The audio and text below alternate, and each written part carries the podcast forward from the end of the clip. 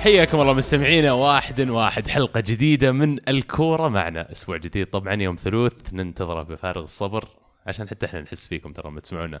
أنا عبد الله ومعي اليوم عزيز. يا هلا وسهلا حياك الله عبد الله. هلا أبو العز هلا والله رحلة طويلة شاركنا فيها كمان أبو الشامسي. هلا فيك عبد الله وهلا ومرحبا عزيز. طبعا ما ننسى عبر الأثير معانا الشيخ ألمو. أهلا وسهلا فيكم جميعا. الحمد لله على السلامة يا شباب.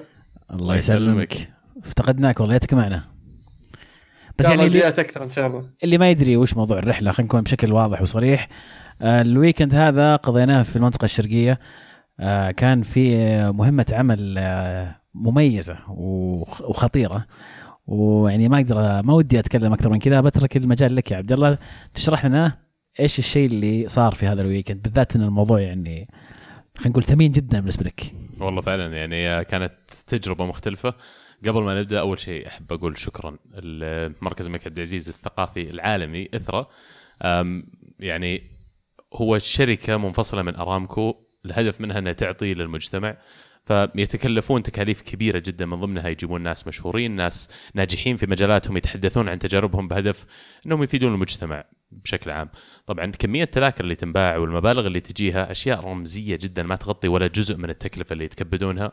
وصراحة واجهة مشرفة للوطن. اللي شفناه هناك مجموعة شباب وبنات سعوديين كلهم يعني نفخر أن هذول يمثلوننا ولا الصراحه المكان يوسع الصدر ومكان جميل جدا. يعني حتى المب... المبنى التصميم المعماري حقه جميل جدا.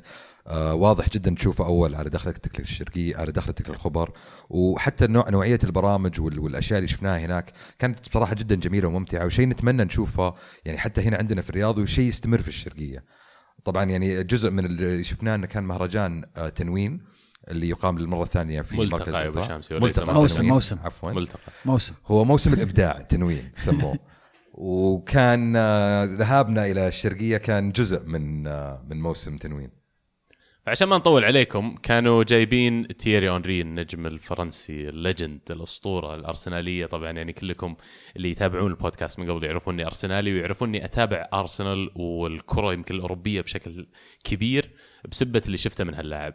من أوائل الأشياء اللي شفتها أول ما ركبت ذيك السنة اي ار تي في البيت عندي عشان أشوف الدوري الأوروبي. أول قناة شغلتها كانت مباراة أرسنال وكان فيها واحد فنان أسمر شيء مو طبيعي ما قد شفت احد يلعب زي كذا. وتوقعت إنه يعني الجميع يلعب كذا في أوروبا لأنه يوم أول مباراة أشوفها كانت. لكن آه، تولد حب جديد لتيري هنري وتكلل هذا الشيء إن ال weekend الماضي اتصلوا علينا و انعرضت علينا فرصة ان نروح نقابل تيري هنري في اثرا ونعمل معاه مقابلة. وبحكيكم شوي عن اللي صار مو في المقابلة نفسها لأنها موجودة اللي يحب يشوفها في link في حسابنا في تويتر. صحيح موجود. نزلنا ال link اللي ما شافها للحين. لا تفوتك المقابلة. ادخل على حسابنا الكره معنا وتلاقي التغريدة يمكن كانت يوم السبت. يوم السبت نزل صح؟ عموما جزء من التجربة هذه أه، طلبت منهم عشان أبني شوي chemistry ولا تفاهم مع الضيف. طبعا هذه فقشة عشان ودي أتكي معه. بس أه، ارتبطت معه في جدوله. وقال لي يا أخي بعض الأشياء لما كنا جالسين مثلا على غدا ولا على عشاء ما كان في ناس كثير فكان ماخذ راحته وكان يتكلم عن أشياء على أساس إنه يعني ما راح يتكلم فيها في اللقاء نفسه ولا ما يتكلم فيها أمام الميديا ولا.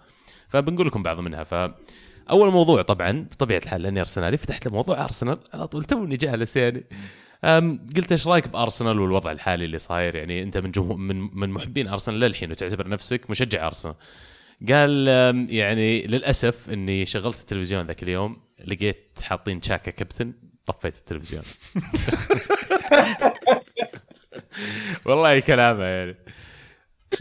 وما ألومه الصراحة. يقول يعني وصلنا لمرحلة أن تشاكا كابتن الفريق. يقول واللي أدهى وأمر من هذا واسوء من هذا كله انه تسوي انتخابات عشان تختار كابتن. انت مدرب انت المفروض عندك شخصية قيادية أقوى من كذا وتفرض على اللاعبين إن القرار في الأخير بيدك.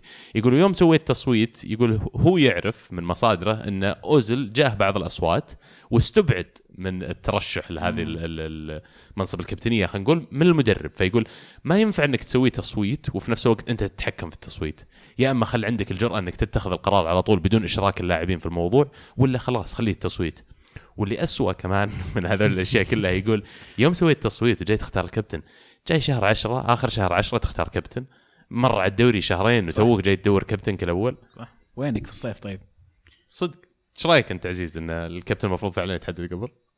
يعني هو أتوقع في مو بس يتحدد قبل في معايير أنت كيف تبغى تختار كابتنك؟ وش الأسباب تخليك؟ هل معقول إن التصويت هذا يكفي؟ طيب تصويت ما يعني إن إن, الجميع متفق على هذا اللاعب، قد يسبب تصويت حساسية انه لو في واحد ثاني جاه تقريبا نفس الأصوات لكن أقل بصوت وصوتين راح يكون في حساسية بينه وبين اللاعبين الثانيين انه أوكي أنا الناس سوتوا أنا عارف الناس سوتوا لي أما لما يجي قرار من مدرب خلاص اللاعب الفلاني هو الكابتن أنا أشعر إن هذا كابتني خلاص هذا كابتني هذا أفضل شخص ينقل أفكاري في الملعب أبغى أختاره ككابتن أو في قاعدة ماشيين عليها إحنا مثلا الأقدمية أو أكثر عدد المباريات. ما حد يقدر يختلف مع هذه الأشياء اللي ثابتة.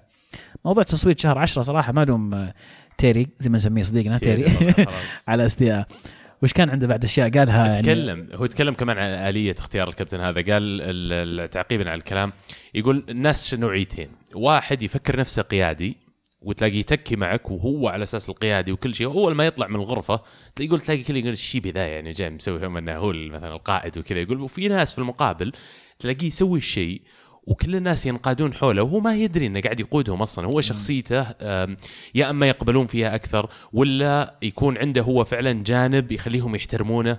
فيقول لما يجي المدرب يعمل قرار المفروض يختار هذا الشخص الثاني مع إنه بيزعل الشخص الأول اللي يفكر إنه كابتن لكن أنت أنت أنت, أنت المدرب في الأخير. لازم تسوي بعض القرارات اللي ما راح تعجب كل أحد. فواضح إنه كان عنده مشكلة في القيادية في الفريق بشكل عام. حلو في أشياء كثير ممكن تشوفونها في المقابلة. أتكلم عنها تيري لكن أنا ودي أسمع عبد الله صدق الوقت اللي قضيته مع تيري في غدا عشاء تدريبات قبل أو استعداد للقاء أي أشياء هذه أكيد تكلم معاك في أشياء ما يقدر يذكرها أو ما يقدر يذكرها صريحا كذا في مقابلة رسمية. صح قلت له إيش مشكلة أرسنال؟ طيب أنت الحين جيت قلت القيادية والكابتنية بس إيش مشكلته؟ كيف نقدر نرجع؟ قال مشكلته في المقام الأول في جمهوره. قلت شلون؟ ليش في جمهوره يعني؟ قال ان أعطيك مثال عليه ليفربول. يقول ليفربول وأنا ما أدري عن القصة هذه على روايته هو حتى أنا ما ما أذكر إني قد سمعت فيها. يقول سعر التذكرة ب 55 pound تكلموا الملاك إنهم راح يرفعون في ذاك الموسم سعر التذكرة إلى 66 pound يعني تقريبا 10% زيادة أو 20% معليش يقول قاموا قالوا له رابطة الجمهور قالوا للملاك والإدارة ان ترى لو زدتوا سعر التذاكر إلى 66 pound إحنا كلنا كجمهور إذا جت الدقيقة 66 من المباراة الجاية راح نطلع من الملعب. ويقول طبعا ما في وسيلة ضغط على ملاك النادي أكثر من إنك تهدده بملعب فاضي. يقول ما هي بالسالفة بس إن تذاكر بيعت وإنك تشتري التذاكر، لا السالفه إنه الملعب يصير فاضي ما في جمهور. يقول ولو بيعت كل التذاكر وما حضر أحد يموت من الروع على المالك لأنه ينقص من قيمة الفريق ينقص من قيمة العقود اللي تجيه أسوأ شيء إنك تشغل التلفزيون مباراة وتشوف المدرجات فاضية. ما أدري إذا قد حضرت أنت مدرج فاضي عزيز مباراة ملعب فاضي؟ لا والله يعني قد تفرجت على مباراة فيها مدرج فاضي. وفعلا يعمل فرق في التجربة؟ تسمع تسمع الكورة طق تسمع الصدى يا رجال تسمع الصدى تسمع المدرب يصايح تسمع, تسمع. واحد يكح هناك جنبك. أيوه والتجربه مو بحلوة. لا سيئة جدا. يعني هي من من أحلى التجارب اللي انت بالنسبة لك لما تحضر في الملعب هو صوت الجمهور وحماس الجمهور والغناء اللي تسمعه في الملعب. فمسألة إن يعني الجمهور فجأة يطلع أصلا شكلها غلط في التلفزيونات. يعني الناس بتجيك الحين بتدفع لك فلوس لأن أنت عندك جمهور. هذه طيب مباراه في الدوري الحين وين جمهورك؟ ما هو موجود؟ 100% يعني له أهمية كبيرة ان ملعبك يصير مليان. عموما يقولوا فعلا رفعوها ل 66 جنيه وجت المباراة الجاية لليفربول يقول لما جت دقيقة 66 مو بقام واحد ولا اثنين وقاموا يقولون البقية يلا ترى جت دقيقة 66 خلينا نمشي يلا يا فلان قوم يلا يا عيال لازم كلنا نطلع. يقول جت دقيقة 66 الملعب قام ومشى. يعني سحب عليهم. الانفيل الانفيل كذا قام بالضبط عرفت؟ يقول يعني يقول الموضوع ما هو يعني بس آه إن ليفربول يمكن مثال extreme شوي أو مثال آه، شاطح مرة على الجمهور اللي فعلا عارفة قوتها وملتمه على كلمة واحدة. بس يقول المفروض كل الجماهير تتصرف بالطريقة ذي. يقول جمهور أرسنال آه قلت مثال عليه قلت أرسنال وليفربول ما يقارن لأن أرسنال في لندن فتلاقي مثلا أنا لما أروح لندن إجازة ولا أنت ولا أي أحد يروح إجازة لندن لأن من الأماكن السياحية الكبيرة. بيروح يحضر مباراة يا أخي الأرسنال. حتى لو إن أرسنال مو قاعدين يسوون كويس بشتري تذكره وبروح يا أخي أنا رايح هناك مثلا يوم ولا أسبوع ولا شيء قصير فبروح قال اي إن المشكلة على اللي عندهم season ticket أو تذاكر موسمية. قلت طيب نفس الشيء. أنا لما أروح ترى ما قد حضرت بغير تذكره موسمية. لما أجي أشتريها إيه. يبيعك واحد منهم. قال لي وهذا الفكرة. عشان كذا أقول لك ما هي بسالفة مبيعات مبيعات التذاكر. اللي جايين مو مو ناس يجون كل أسبوع. هذول الناس جايين بيطلعون يعني جايين يشوفوا مباراة ويمشون. عادي يعني. ما هو باللي عنده الأسبوع الجاي بيرجع وبعده فيبغى يثبت شيء لا جاي يتفرج على المباراة. فأصعب أصعب التحكم فيهم. وهو يقول حقين التذاكر الموسمية هذول بس ال 40000 ولا 42000 وما يحضرون ولا يبيعون تذاكرهم لأحد يحضر مكانهم. يقول كان أشياء كثير مرة تغيرت من قبل. يقول يعني نهائي اليوروبا ليج العام الماضي ما حضر ما قد حضر ولا مباراة الأرسنال. هذا اللي هو رئيس النادي. رئيس. إيه مو الرئيس اللي هو المالك النادي كرونكي. قاعد يرسل ولده في كذا محفل بس في الأخير أنت المالك مو ولدك المالك. وينك انت أصلا؟ مالك وجود يعني في النادي ومالك وجود مع الجماهير و... مالك. لا وحتى مساله مسألة الجماهير يعني يعني إذا ماني غلطان ارسنال إذا ماني غلطان أرسنال عندهم أعلى معدل أسعار التذاكر في إنجلترا كلها ومن أعلى في أوروبا تقريبا. من من الأعلى في العالم من الاعلى في العالم إذا ما ف... كان الأعلى. ولا زال الجمهور يحضر يعني ما نتكلم عن مسألة السعر غالي ولا ما هو غالي بس مسألة انه هل فعلا في تضامن بين الجمهور الأرسناوي زي الجماهير الثانية هذه اللي أتوقع كان بيوصل لك إياها النقطة. أه وألمو يمكن أنت تشجع مانشستر يونايتد ففي شوي تشابه في موضوع إن الملاك مو بكثير داخلين في النادي. إيش رأيك بالإنفولفمنت حق المالك؟ هل لازم يكون يحضر فعلا المباريات ولا ما تفرق؟ خاصة لما يصير مالك من خارج البلد يعني آه، في حالة مانشستر يونايتد أمريكي برضو أتوقع في ليفربول وارسنال ملاك أمريكان وعايشين برا فيعني صعب عليهم إنهم يحضرون كل مباراة لكن وجودهم بين الحين والآخر يظهر للجمهور اهتمامهم بالنادي. لكن فعلا غيابهم عن عن الحضور وما يجون إلا في فترات اللي اللي يصير فيها ضغط على الإدارة. هذه بالنسبة للجليزرز. يعني تدل ان إن همهم شيء مختلف عن هم الجمهور. وعودة الموضوع الكابتنية وأوزل قال أوزل مثال ثاني على أن كيف أرسنال قاعد يجيبون العيد الحين. يقول اللاعب بطل العالم جايك بحالة كبيرة قدم الكثير الفريق في فترة من الفترات وفجأة بدون مبرر وبدون سبب ينزل مستواه بالطريقة هذه. طب يقول إحنا نلومه كثير وتلاقي المدرب يطلعه. في أحد خذ دقيقة عشان يقول اوزل أنت يعني كيف حالك؟ أنت طيب؟ أنت يعني تحتاج أحد يساعدك بشيء؟ هل فعلا عندك مشكلة؟ هي اللي مخليه أدائك ينزل بالطريقة هذه؟ قلت له طيب هذا دور المدرب. قال المدرب عنده 40 لاعب تحته. وعنده 30 جهاز تدريبي معه. وعنده 20 واحد في جهاز ال scouting اللي يسمونه ولا الكشافين الكشافين اللي معه. بعدين عنده 20 شخص ما بين إدارة ومجلس إدارة وملاك يتعامل معهم. وبعدين عنده الميديا أو اللي هم الصحافة كمان لازم يتعامل معهم ويدير علاقته معهم. المدرب ما عنده وقت يتعامل مع هذول الناس كلهم. ناس فوقه ناس تحته ناس يمين ناس يساره يعني من وين بيفضى يلقى له وقت إنه يقعد مع واحد بس. بالضبط ويقول إنه يعني مثلا في حالة اوزل اعطاها الكابتنية شجعه يلا هذه فرصة لك لازم تلعب كويس. في مباريات ما كان قاعد يلعب فيها كويس ومع كذا حافظ عليه أساسي. هذه فرصة ثانية. يقول المدرب ما يقدر يسوي كل شيء ولا هو فاضي لك يجي يشيك وراك اللاعب. طب ما حسيت عبد الله إنه يوم هو يتكلم الكلام هذا كان شوي يتكلم عن تجربته في موناكو؟ يعني هل هو وضح لك تجربة موناكو أو هل تكلم فيها بشكل عميق؟ ما تكلم فيها بشكل عميق لكن إلا حسيت إنه بالذات لما بدأ يوصف المدرب والعلاقات اللي لازم يحافظ عليها مع الناس اللي حوله زي ما وصفت بشامسي ناس يمينه وناس يساره ناس تحته ناس فوقه ويدير علاقات مع ناس برا وناس جوا. يعني الضغط اللي عليه ما توقع إنه راح يكون إدارة كل هالعلاقات. هو تصور شكله إنه بينزل بيلقى 23 لاعب بيقفل على نفسه هو وياهم في ملعب ويروح معاهم الملعب المباراة ويرجع. هذا هذا هذا التجربة شكلها اللي كانت في باله. لكن ما حسبها صح ويبدو لي من كلامه إنه يؤمن بموضوع إنه يكون عندك جهاز كأنه طاقم نفسي. طاقم نفسي اللي هم يتابعون اللاعبين يهتمون فيهم كيف ممكن نساعدكم؟ كيف يخليه فعلا في حالة ذهنية ونفسية مناسبة إن اللاعب يؤدي وطبعا هذا شيء مهم يعني إنك يعني دائما المساعدين اللي عندك إنهم يعرفون يتعاملون مع اللعيبة والأشياء اللي أنت ما يمديك تلحق عليها كمدرب لأن عندك كل الأشياء هذه إنك تسويها عندك أحد يقدر يغطي لك عنها. فيعني مثال اوزل الصراحة جميل عبد الله لأنه فعلا وضع اللاعب غريب وواضح إن أمري ما قاعد يتعامل معه بالشكل الصحيح وبعدين انفتح طاري من الأشياء الحلوة انفتح طاري الدفاع وأسلوب الدفاع والمدافعين لأني سألته يعني بذاك قلت مين أصعب المدافعين اللي لعبت ضدهم؟ قال يعني أصعب مدافع لعب ضد ضده هو نفسي لكن يعني ضحكنا شوي إنه كيف نفسي؟ إنه قال لما أنا ما أكون في الفورمة. فالموضوع كان يقول يعني تفرع إنه يقول ان الدفاع في البريمير ليج تحديدا يقول يعني سامحوني على الكلمة زي الخرا. يقول يعني المدافعين ما يعرفون يدافعون آه، ما يشوفون غير الكورة. يركض ورا الكورة المدافع ما يشوف غيرها يبي يجيبها مو بذكي المدافع في أسلوب تغطيته. في يعني يجيب عليها أمثلة كثير يقول إن أنا أسبق المدافع على الكورة لأن المدافع ما يشوف أنا إيش قاعد أسوي ولا هو بحاط في باله إني بوصل قبله ويقول إذا أنا كمهاجم وصلت للكورة قبل المدافع انتهى الموضوع. انت الموضوع لأن أنا عندي الأفضلية. أنا وصلت للكره قبله معناته أنا أقدر أسوي بالكره اللي أبغى على بال ما هذا يجي وهو جاي مندفع أصلا. هو مو بجاي يعني بعقلية خلينا نقول اللي ذكرها يقول مثل المدافعين الطليان مثل ديشامب مثلا في المنتخب الفرنسي. يقول هذول تلاقيهم يقولوا وذكر منهم فان دايك. فيقول هذول تلاقيهم في أسلوب الدفاع حقهم يغطي يرجع يغطي. إذا حس انه في واحد في المية فرصة إنك أنت كمهاجم توصل للكرة قبل ما هو يوصل يقول ما يروح ولا يحاول يحتك. خلاص يقول يحطك في في موقف إنك لسه أخذت الكرة. طب الحين لازم تعدي مني وأنا ما أنت معدي مني لأن أنا ببتل ارجع وبحاول أوديك معي لمكان عندي فيه دعم دفاعي. لأن يقول الدفاع كله system ودعم الهجوم غير. المهاجم أنا أسوي حركة من حركة المدافع الغبي عديتها ورحت سجلت جول. فيقول يمكن عشان كذا إن فان دايك ترى ماخذ هالته الإعلامية ولا يعني في الواقع فان دايك ترى ما يسوي تحديات ولا التحامات قليل يعني ذ- أو ذكي في التعامل معها. شوف هو الحق ينقال فان دايك ينحسب له إنه طوله ويعني قوته في ال- في الكرات الهوائية بس مسألة إنك أنت تسمعها نسمع الكلام هذا من لاعب زي تيري هنري وعنده الخبرة هذه وتعامل مع المدافعين كلها ممكن يدل إنه فعلا فان دايك مختلف تقدر تقول عن المدافع التقليدي اللي ممكن تشوفه. أنا اللي فهمته إن فان دايك هو المدافع الوحيد اللي غير مدرعم في إنجلترا. هذا هذا هو هذا هو. إنه يعني أذكى من اللي حوله. بالضبط هذا كلامه. قال شوف أنا ما أقلل من فان دايك مو ولا مو أقول بالوحيد. هو اختاره كمثال بس ما أتوقع إنه هو الوحيد حاليا. أفضل غير مدرعم كان كان كان يتكلم عن المدافعين في فترته.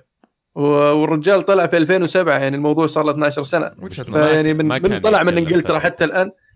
هو لو يتكلم عن فترته هو وهو يلعب يقول لك كيف يعدي منهم. صح بس يقول حتى اليوم لين اليوم يقول في البريمير ليج تحديدا أسلوب اللعب كذا. أسلوب اللعب مندفع أسلوب اللعب آه، مش سميته عزيز؟ درعمه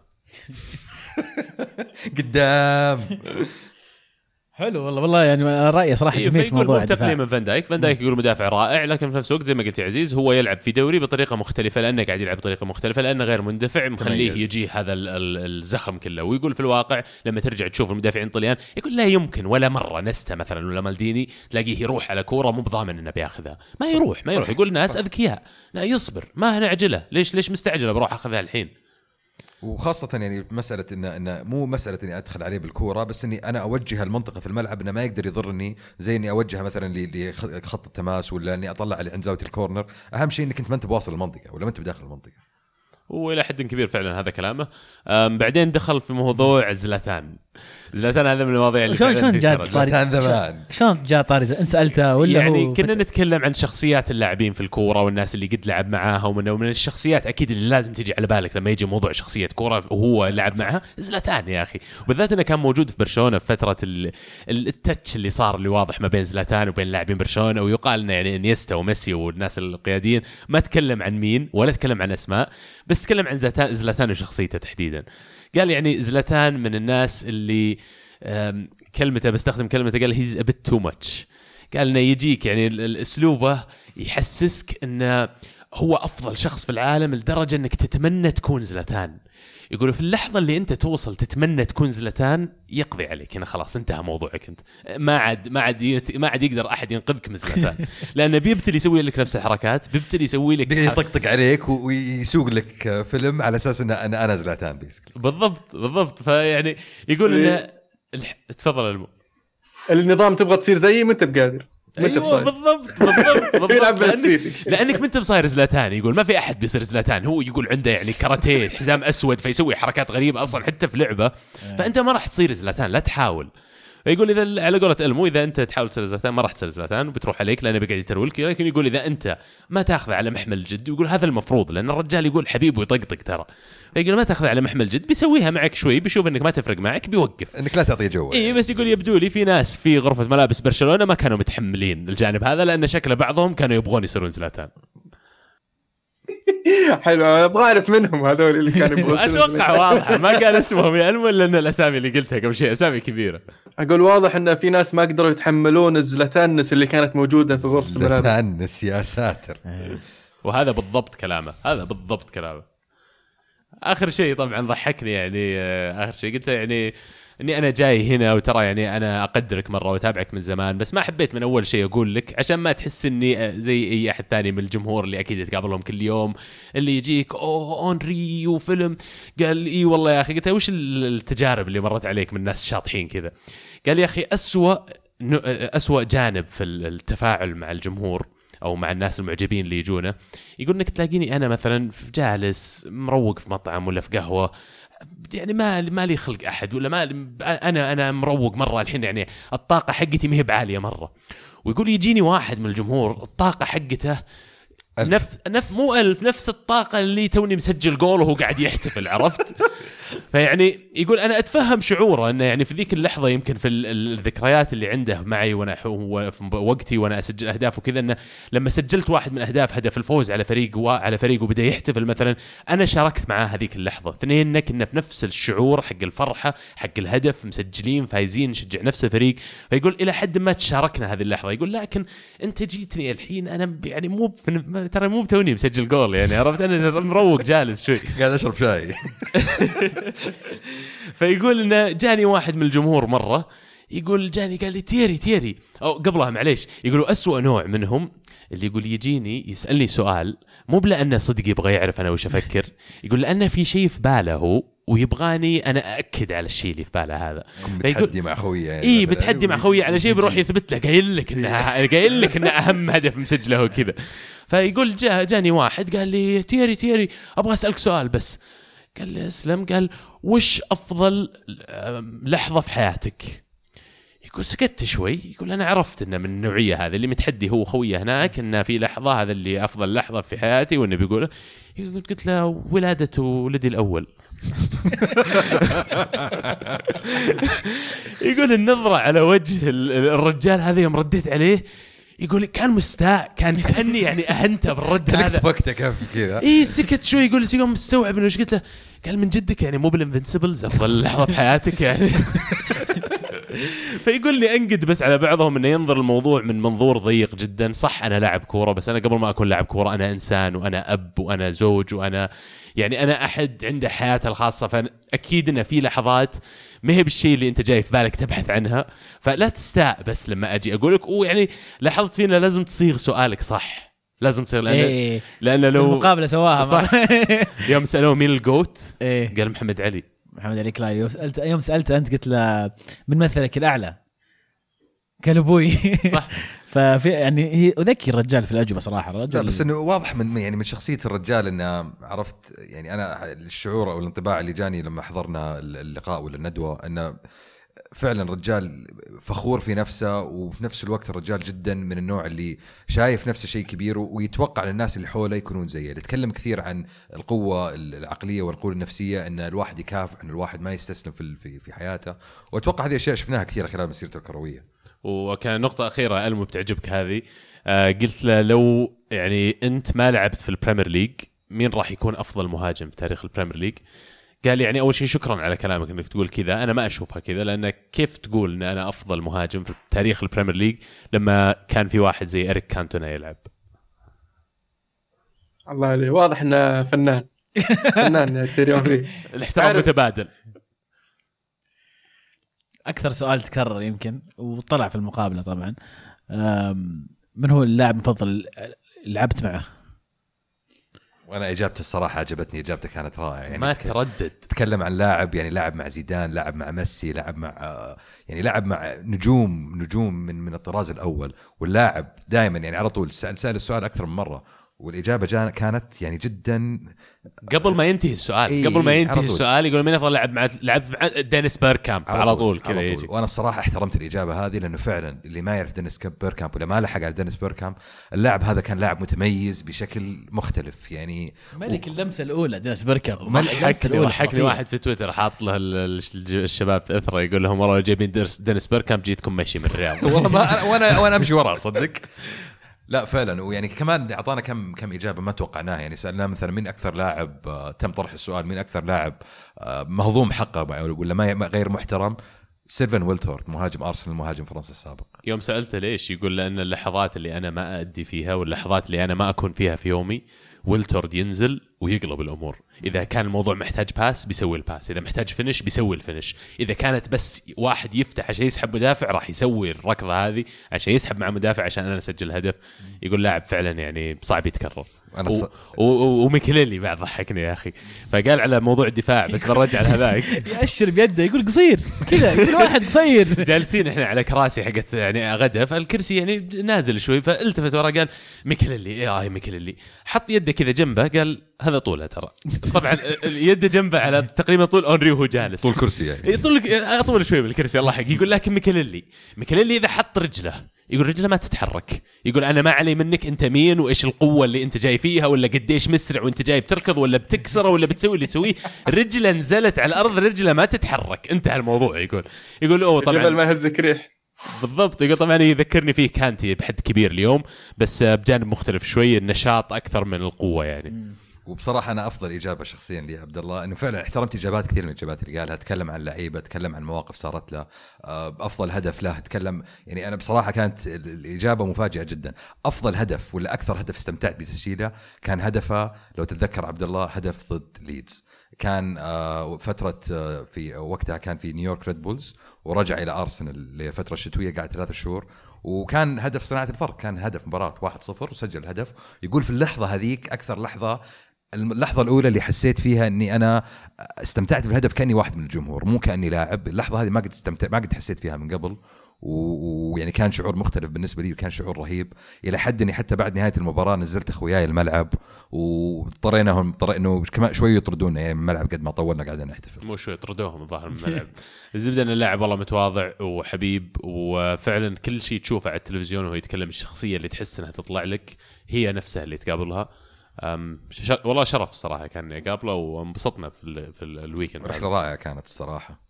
ولا ولا ويوم سألوه من أفضل لاعب بالتاريخ ولا أفضل لاعب يلعب حاليا واضح الإجابة قال لك إياها ثلاث مرات ميسي ميسي ميسي ما عجبتني الج- ما ما عجبتني عجبتك الإجابة. الإجابة ليش صح؟ ثلاث مرات يا أخي قل ميسي بعدين قل فلان بعدين قل فلان ليش لا لا ميسي ميسي ميسي بس عموما هذا اللي كان عندنا عن زيارتنا. زي ما قال لكم عزيز موجود link المقابلة على تغريدة في حسابنا في تويتر.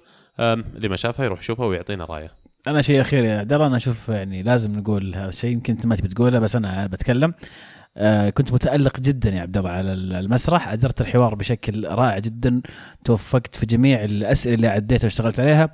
توفقت في آه، طرحك طر- أسلوب طرحك الاسئله آه حضورك كان مميز جدا في هذا ال- ال- الحفل.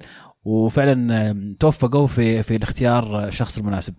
فتستاهل والله ويعني مو فوق هذا كله الشخص اللي قابلته تيري اونري فتستاهل والله. استحيت الصراحه فاخذ قفل الموضوع. تستاهل صفقة. طيب آه، وصلنا للكورة الحين. عطنا كورة. اعطينا كورة. كورة. أخيرا في الدوري الإسباني، الدوري الإسباني برشلونة يفوز 3-0 الأسبوع هذا عاد آه، انتصار كبير فازوا على يا طويل العمر والسلامة إيبار خارج أرضهم. آه، أهداف من ميسي وجريزمان وسواريز الثلاثي أخيرا يتألق في مباراة واحدة ويسجلون ثلاثتهم. هل هي العودة برشلونة أخيرا؟ تألق ثلاثي ذكرنا بأم إس إن ميسي سواريز نيمار اللي معليش من خروج نيمار من برشلونة ما حسيت هجومه مكتمل. آه بالنسبة لبرشلونة يعني آه آه، جريزمان تدريجي قاعد يدخل في الفريق وكان محظوظ بصراحة إن آه ديمبلي أخذ كرت أحمر في المباراة اللي راحت لأن ما أتوقع كان بيرجع للتشكيلة آه لأن ديمبلي كان قدم مباراة رائعة. آه بس بشكل عام آه برشلونة قاعد يوصل إلى ال- ال- المستوى المعهود تدريجيا وممكن نقول انه إن برشلونة في الطريق الصحيح حاليا. والله يعني ترشحهم آه، انهم يكملون وترشح ان جريزمان يستمر لأن الأسبوع الماضي لمنا كثير. إحنا ديمبلي على الغباء اللي سواه بعد ما قلت بالضبط يا المنى قدم مباراة كبيرة تقوم أنت تختصر الموضوع على المدرب وتقول okay أنا ترى ما بلعب المباراة الجاية آخذ كرت أحمر. ال- المشكلة ان إن ريال مدريد يعني آه، ما هو بعيد عنهم ترى واللي يساعدهم برضو كذلك آه، أتلتي ما هو في قاعد يعني يضيع نقاط كثير فقد يسهل عليهم هذا الشيء إنهم آه، آه، يستمرون في الصدارة على المدى ال- ال- القريب على الأقل. صدق وعلى طاري مدريد دامك اضطريتهم مدريد آه، ما ودي أقول انصقعوا بس خسروا 1-0 قدام مايوركا. كرت أحمر كمان للاودريوزولا آه، الظهير اليمين. آه، ال- ال- ظهير مدريد الآن ضغط كبير مرة على زيدان. يقال كمان آه، عن طريق الصحافة الأسبانية ان في آه، مخاطبات مع جوزيه مورينيو إنه يرجع لمدريد. أول شيء هل تشوفون إن الوقت لإقالة زيدان؟ والشيء الثاني هل لو أقيل زيدان فعلا صح تروح ترجع واحد زي مورينيو تمسك الفريق؟ أشوف إن الوقت شوي مبكر على إقالة زيدان يعني توك لسه حتى ما انتصرت في الموسم. آه، حاليا آه، مركزك الثاني في الدوري. آه، في الشامبيونز ليج أداءاتك ما كانت متميزة يعني ضد بي إس جي انصقعت. رجعت فزت فزت تعادلت بعدها يعني فواضح انه تحتاج تسوي كثير عشان تقدر تأهل الدور الثاني. بس أتوقع يعني مسألة انه في إصابات كثير في الفريق لعبت دور كبير في المباراة هذه. آه، بنزيما آه، جت كوره له في العارضة ما توفقوا فيها.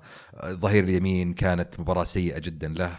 آه، هو كان الخطأ السبب الرئيسي في الهدف. آه، آه، وبعدها أخذ كرتين أصفر وانطرد فما توفقوا مدريد. بس أنا بالنسبة لي حتى إذا تساءلوا غير طبعا آه، موضوع كورتوا اللي يعني ما أدري الصراحة أتوقع بدوا يستوعبون جمهور مدريد إنه خطأ كبير إنك تبيع نافاس. لاعب فزت معاه كثير حققت معاه كثير. وكورتوا الموسم هذا يعني عدد الاهداف اللي داخله فيه 12 هدف وعدد الصدات 11 فواضح إنه في شيء خطأ في مدريد. بس أتوقع إذا أقلت زيدان أو وصلت لمرحلة إنك حسيت إنك لازم تغير شيء وتقيل زيدان جوزي مورينيو هو الخيار الخاطئ.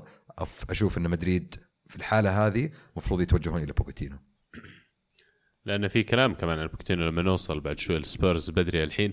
كمان تأجل آه، الديربي مو الديربي الكلاسيكو. في مشاكل صايرة في برشلونة. في مظاهرات آه، في كاتالونيا تسببت في تأجل آه، تأجيل ال- الكلاسيكو. أتوقع إنه من صالح برشلونة التأجيل. في نظري انه الآن مدريد يعني بعد السلسلة ال- الكويسة اللي كان ماشيه فيها مدريد بدأ يواجه بعض المشاكل. وفي نفس الوقت برشلونة بدأ يتحسن مستواه وبدأ يلقى الانسجام بشكل أكبر. فتاخر الكلاسيكو معناته احتمالية ازدياد ارتفاع مستوى برشلونة وانخفاض مستوى مدريد. يعني آه، ما أدري إذا كان القرار سليم ولا لا. صراحة التأجيل إذا الأوضاع فعلا ما تتحمل إنه يلعب الكلاسيكو فيه. بس أنا ودي أرجع نقطه آه، زيدان. أتوقع إنه يعني من الجنون إن نتكلم عن اقاله زيدان في الوقت الحالي. مو بس غلط أتوقع إنه من الجنون انه الرجال كان متصدر إلى قبل آخر جولة. آه، صح الفريق إلى الآن ما ظهر بشكل مثالي ولكن زي ما قال محمد في إصابات في غيابات. آه، هازارد إلى الآن يعني ما, هو في الفورمة والمباراة هذه كان غايب بسبب آه، ولادة آه، ابنه. ما بعد دخل حد- سلسلة مباريات ورا بعض ياخذ فيها فورمة زي ما قلت. مو بس كذا لا تنسون إن خمس لاعبين الصيف الماضي جابوهم مدريد. خمس لاعبين المفروض انه راح يكونون أساسيين كمان.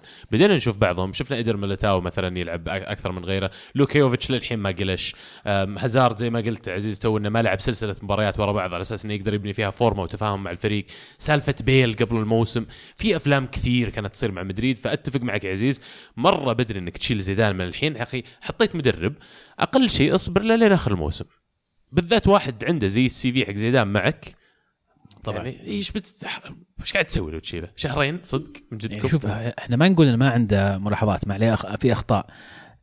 تكلمنا كثير عن عن أسلوبه في في التغييرات اختيار اللعيبة. في أشياء يعني ما نتفق فيها مع زيدان وواضحه للجميع. ولكن بدري مرة بدري مرة إنك تناقش إقالة مدرب زي زيدان في بداية الموسم بالذات إنه يعني صار واحدة في سلسله الدوري أصلا يعني وش دعوة يا جماعة؟ ما يعني كان متصدر إلى آخر جولة ف والمدربين العادة يأخذون وقت في بداية الموسم عشان يجربون الخطط ويجربون اللاعبين اللي يبغون يبغون يعتمدون عليهم. زي ما تعرف عزيز أنت أليجري كويس. أليجري من المدربين اللي يأخذ وقت مرة كثير بداية الموسم لين يلقى التشكيلة المناسبة اللي بيبتل عليها لين يلقى الخطة اللي يبغى يلعب فيها. فبعض المدربين يأخذون أكثر من غيرهم. هو بالك إن أليجري أخذ فريق بطل الدوري ثلاث مواسم ورا بعض. زيدان جاي من فريق وكان يواجه مشاكل آه، وأقال مدربين قبل ما يجي آه، زيدان. آه، ما زال ما زال بدري الموضوع. و- وأضف إلى ذلك أنا في رأيي ما في مدرب متوفر الآن جدير بأنه يأخذ مكان زيدان. أنا ما أشوف مورينيو خيار صحيح ابدا وبوتشيتينو ما زال أنا آخر مرة شيكت ما زال انه يدرب سبيرز. غير فما متوفر. غير متوفر. أليجري طيب أليجري فاضي. أليجري خاص يونايتد واضحه لا لا وش وش تبي؟ صح والله اليجري متوفر صحيح. بس still غلط إقالة زيدان حاليا. آه، صحيح قالت زيدان حاليا يعني آه، وش وش يصير فرقك عن الاتحاد يعني؟ شوي أوه. تتقايل المدرب دخلنا وكذا. دخلنا على الاتحاد. واضح ان قاهرينك موضوع الاتحاد. واضح إنه والله قالت سيارة المو لأنه- والله هو قالته الأولى يعني. هو رجع وسوى فيلم ورجعوه ثم نقلوه مرة ثانية لكن مو موضوعنا الاتحاد. آه بس يعني آه فعلا يعني زيدان آه، اقالته حاليا آه غلط كبير. آه ف إذا فعلا الإدارة قاعدة تفكر بهذا الشيء ف قاعدين يفكرون في الحل الغلط. لأن زي ما قلت الموسم في بدايته وزيدان يبغى يغير الفريق لكن صعبه تغير الفريق في في في فترة انتقالات واحدة يحتاج له على الأقل فترتين. لأن في لعيبة يبغى يتخلى عنهم ما أقدر. أو في لعيبة يبغى يجيبهم ما يقدر يجيبهم لأن في لعيبة ما تخلى عنهم. فالموضوع يبي له شوية وقت يعني إذا جاء الصيف الجاي وحتى في جانوري القادم ممكن يتخلى عن لاعب أو لاعبين يساعد أكثر زيدان في قدرته على استقطاب بعض اللاعبين اللي يحتاجهم. يعني أنت ما تشوف إن زيدان ومدريد جابوا اللاعبين المناسبين الصيف الماضي؟ مو بأنهم ما جابوا اللاعبين المناسبين بس في لاعبين إضافيين يحتاجهم الفريق. لكن صعب انك تسوي التغيير هذا. جابوا خمسة الحين. الخمسة هذول صعب انك تدخلهم على طول في الفريق الأول. يحتاجهم تدريجيا يدخلون في الفريق لأن اعظمهم معظمهم شباب يوفيتش مندي وميليتاو كلهم تحت ال 25 سنة. ف يحتاجون شوية وقت تدخلهم في الفريق تدريجيا. وعندك مشكلة خط الوسط. يعني ريال مدريد عنده إسكو وخاميس رودريغيز. كلهم attacking midfielders وسط لعيبة وسط هجوميين. لكن مشكلتهم في في في في شو اسمه مودريتش اللي ما لقوا ما ما جابوا له بديل. مشكلتهم في كازيميرو اللي ما عندهم له بديل أصلا. إذا كازيميرو ما لعب ما في أحد يلعب محور محور دفاعي. ظهور فالفيردي ساعد زيدان كثير لأنه يعطيه شيء غير عن الخيارات اللي موجودة عنده حاليا. فالموضوع يعني يحتاج شوية وقت بس. على الغالب بس الوقت هو شيء لا يملكه المدربون اليوم. زي ما قال لك زي ما قال لك تيري. صح. صديقنا. صديقنا خوينا. كذا نكون وصلنا للبريمير ليج. البريمير ليج اسمحوا لي أطب على طول. ألمو مبروك. وفي نفس الوقت hard luck تعادل ضد ليفربول لأن أنا بوجهة نظري الشخصية ما كانوا ليفربول يستاهلون الفوز.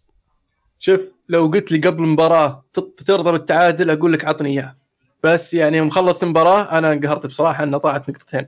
آه في الشوط الأول مانشستر يونايتد كان الطرف الأفضل آه قدر يعطل ليفربول آه قدر يضغط عليهم بشكل بشكل إنهم ما قدروا حتى يبنون الهجمة وقدر يخطف التقدم في الشوط الأول. الشوط الثاني عتبي على أولي جونار إنه صف الباص من بدري مرة.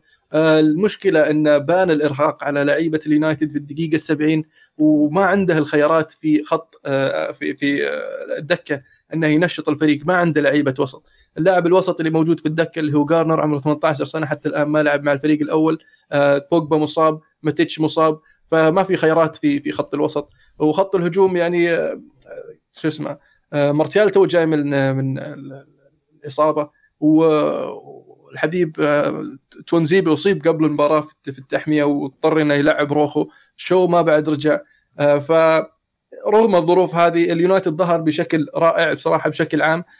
ف هنيئا صراحة للاعبين على المستوى الرائع وإن شاء الله أنها تكون نقطة تحول هذه المباراة وأتمنى أنهم يلعبون بهذا المستوى والرتم العالي بشكل أكبر في المباراة القادمة. وش السر إن يونايتد يظهر بهذا الشكل؟ يعني بكل صراحة وأمانة الفرق الجودة بين الفريقين واضح وكبير ما في مقارنة.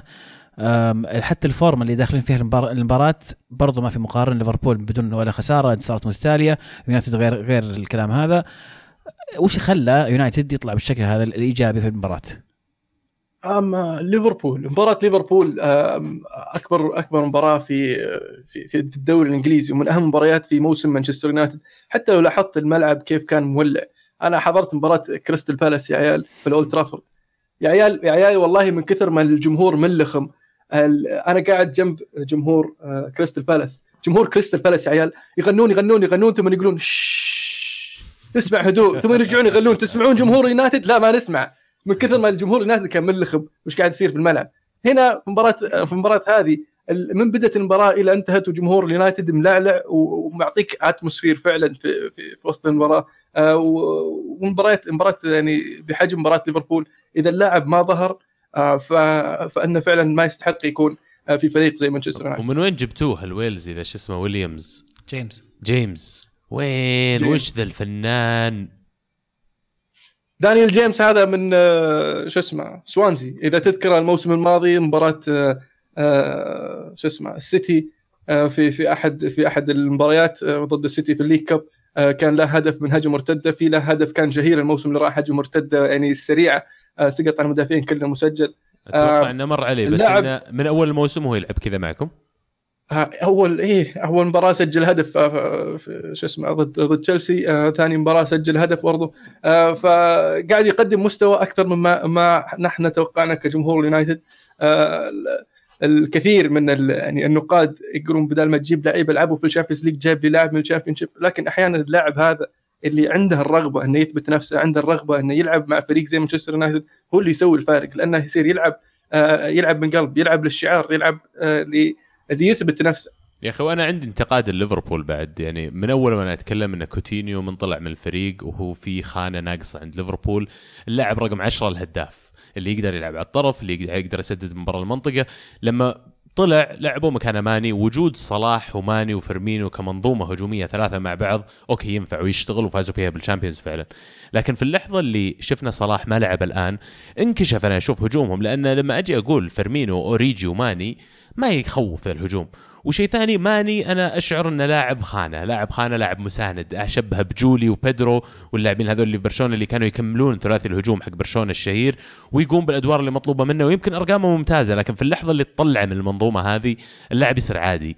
فماني أنا أشعر إنه أخذ أكبر من حجمه وهو صدق نفسه إنه أكبر من حجمه بالذات لما جاي يحط راسه براس صلاح الأسابيع الماضية. منت بقده يا ماني؟ روق شوي أبو مكة هذا. طبعا في لقطة اللي أبغى أسألكم عنها يمكن كل الجمهور يتكلمون عنها لقطة هدف مانشستر يونايتد الأول. المو اسمح لي أبدأ فيك. تشوف انها فاول ولا مو فاول لما تدخل على أوريجي في نص نص ملعب مانشستر يونايتد؟ شوف الحكم كان قريب وواضح إن أوريجي يعني ردة فعله كان مبالغ فيها. آه، ما عرف يثبت الكورة طالت عليه وجاء مكتومني قريب ياخذ الكورة فبالغ في السقوط. الحكم شاف المبالغة مشاها. لما رجع للفار آه، الحكم ال- القانون في الفار لازم تصير واضحة. clear and obvious إنها فاول لما رجع الفار ما هي بواضحة فيها شك. إذا فيها شك خلاص ما هي فاول فتكمل اللعب. طب هل صح؟ إنه يعني وش اللي هل صح؟ هل هل بقول لك هل صح إن ال- ال- ال- اللقطة لما تنشاف بالفار تحط سلومو وتبطئ اللعبة ولا الصح إنك تحكم على اللعبة في السرعة العادية؟ فزي ما قلت أنت ولما تشوفها في اللحظة الأولى في اللعب قبل ما تشوف الفار تحس إنها فاول. لكن لما رجعت حتى أنا شفتها في الفار اللمس خفيف وكأن السقوط مبالغ فيه شوي من أوريجي يعني. إي فأقول لك أنت تشوفها بالتلفزيون غير لما الحكم الحكم كان قدامه ليتلي قدامه. فكان شايف السقوط فيه مبا- مبالغ فيه. ولن جت الإعادة تشوف السقوط مبالغ فيه. فلما رجع هو شاف إن الاحتكاك خفيف والسقوط مبالغ فيه فالفاول فيه شك فإذا في شك فما تحسبه. يعني فما أشوف إنها فيها فيها مشكلة.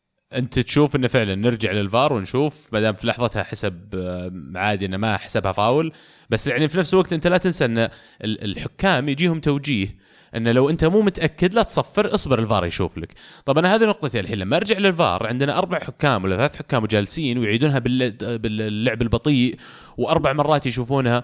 طيب الحكم على ال- الكورة باللعب البطيء غير الحكم على الكورة واللعب. ماشي. لأن لو ترجع للفيديو في لمس. طيب صح في لمس من رجله بدون كورة على رجل أوريجي. بس متى أقول فاول؟ وش اللمس اللي فيه فاول وش اللمس اللي ما فيه فاول؟ أنا هذه مشكلتي. تتغير أصلا يعني اللقطة تتغير لما تشوفها بالبطيء على تشوفها بالسريع. ال ال الغريب إن تطبيق الفار في إنجلترا أعتقد اليوم من أسوأ الدوريات في- في أوروبا أو على الأقل الدوريات الخمسة الكبرى. اللقطات اللي واضحة لنا كمتابعين انها فعلا فاول ويرجع للفار ولا يحسبها أو اللقطات اللي تستاهل إنه يرجع للفار ويطنشها أصلا ما يرجع فيها للفار كثيرة. عددها مرة صار كبير. يعني أنا أتذكر كنا نتكلم عن الفار قبل ما يجي إنجلترا وكنا نقول ننتظر الفار يجي إنجلترا لأن هم اللي بيضبطون الموضوع بيخلونا efficient والجودة عالية وبسرعة الوقت ما يتأخر. الآن تطبيق الفار السنة هذه دمار دمار في إنجلترا بشكل بشكل واضح جدا. في أتوقع أكثر من من لقطة الأسبوع هذا بس ممكن نتكلم عنها في موضوع الفار. والفكرة بعد إن أنا أشوف إن هذا جزء طبيعي من تطور الفار لأن في كل اللقطات اللي حكينا عنها والبطيء ولا السريع ولا الكرة وهي لمسة يد ولا كسرة ولا غيرها لازم في حد وقت من الأوقات الحكام يجلسون ويتناقشون.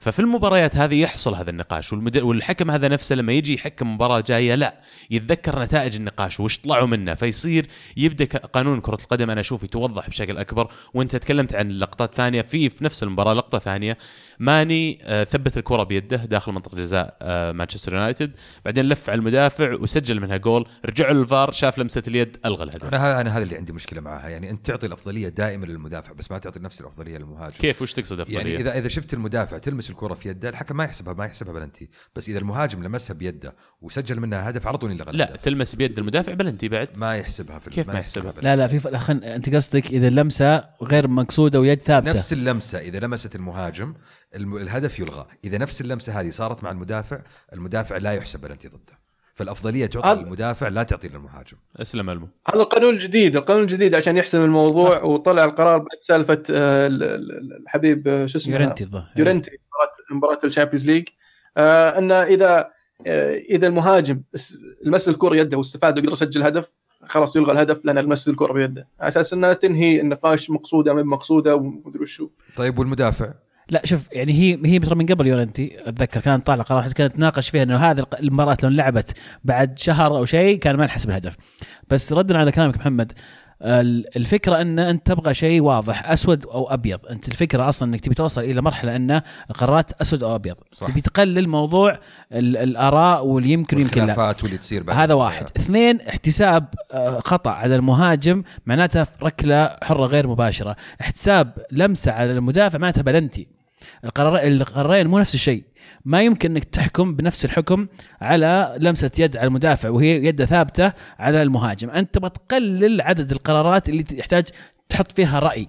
فإذا أنت عندك قدرة إنك تتخذ في إحدى القرارات اللي هي لمسة يد على المهاجم قرار مباشرة إن هذا أصبح خلاص فاول هذه اضفها مو لازم أطبقها على الجهتين.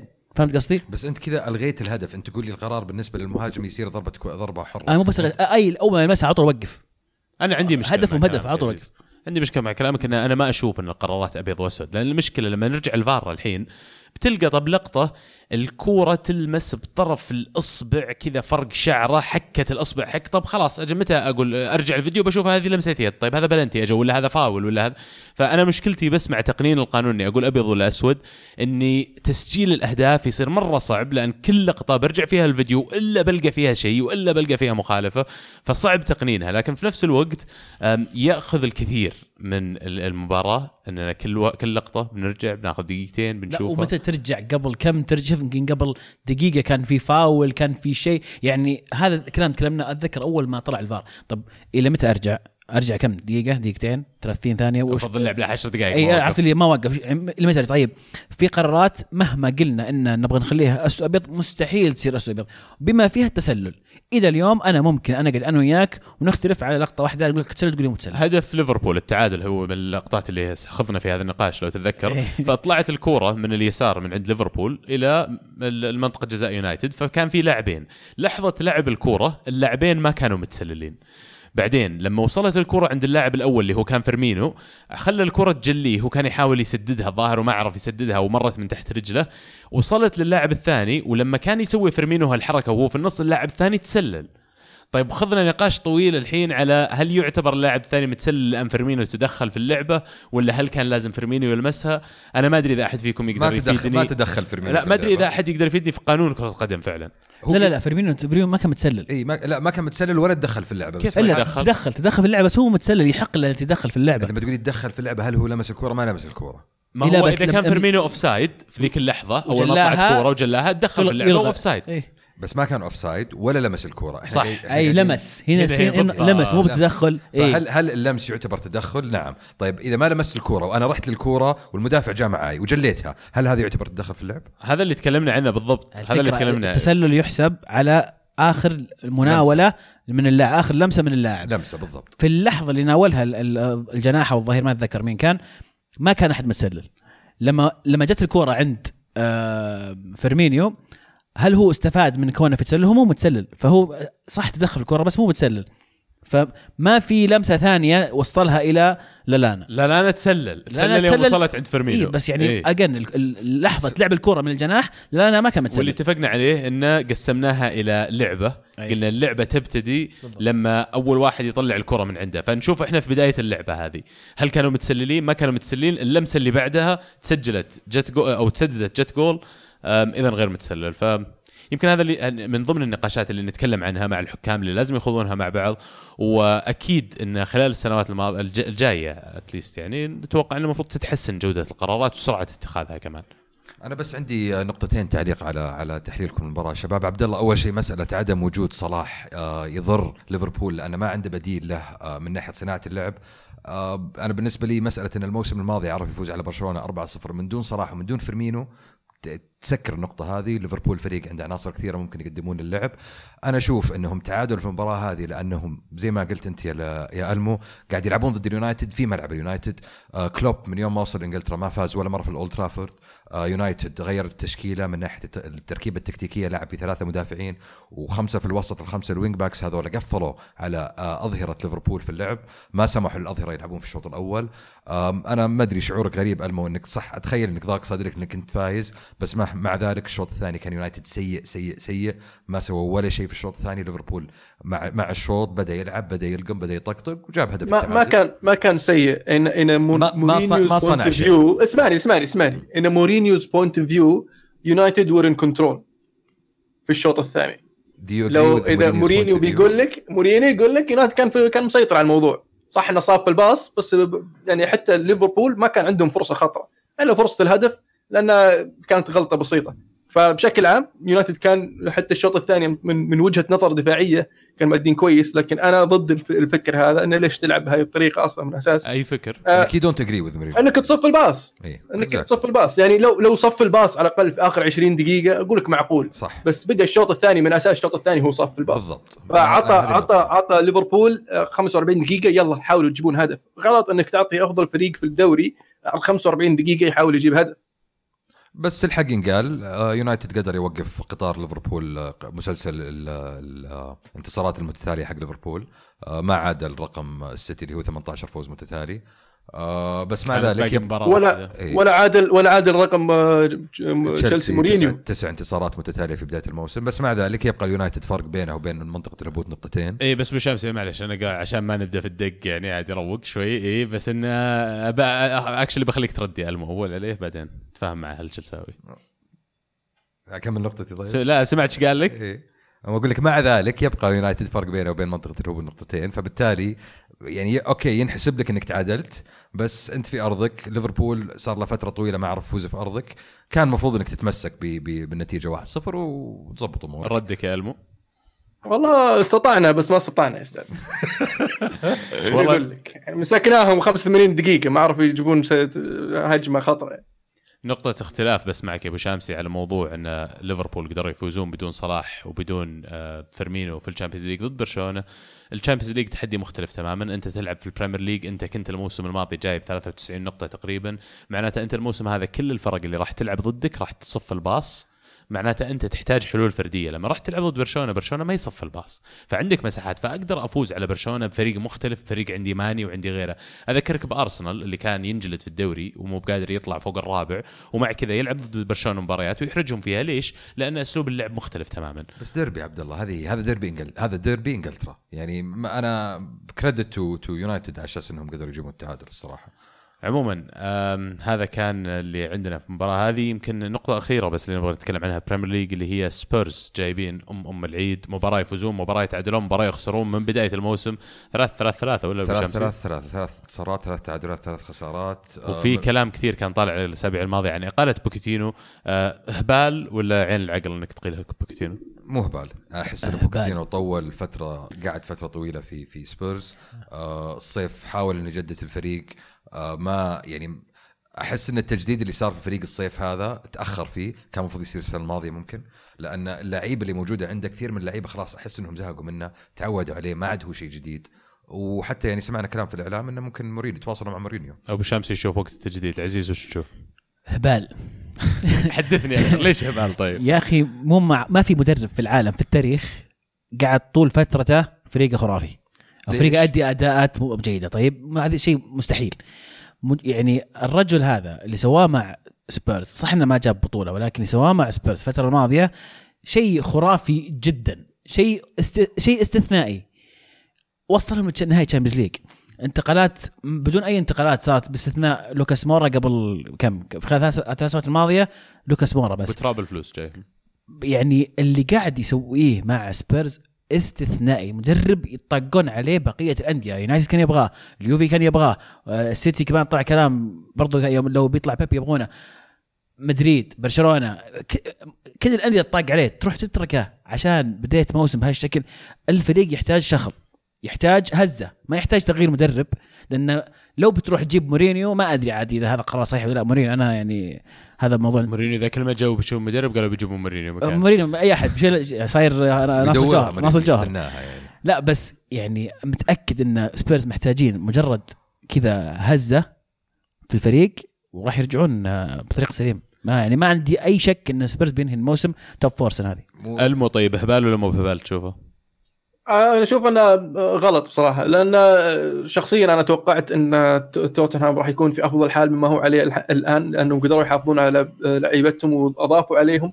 لكن المشكلة آه، في في آه، في توتنهام أن لعيبتهم اللي اللي يبغونهم ولعيبتهم اللي موجودين عندهم ذوي الخبرة مثل فيرتونخن مثل ألدرفيلد مثل إريكسن هذول اللعيبة اللي عقودهم بتخلص ما قدروا يوصلون الحل معهم أنهم يجددون عقودهم لأن اللعيبة ما صار عندهم الرغبة إنهم يقعدون ولا قدر توتنهام إنه يتخلص منهم أو يبيعهم ويجيب مكانهم.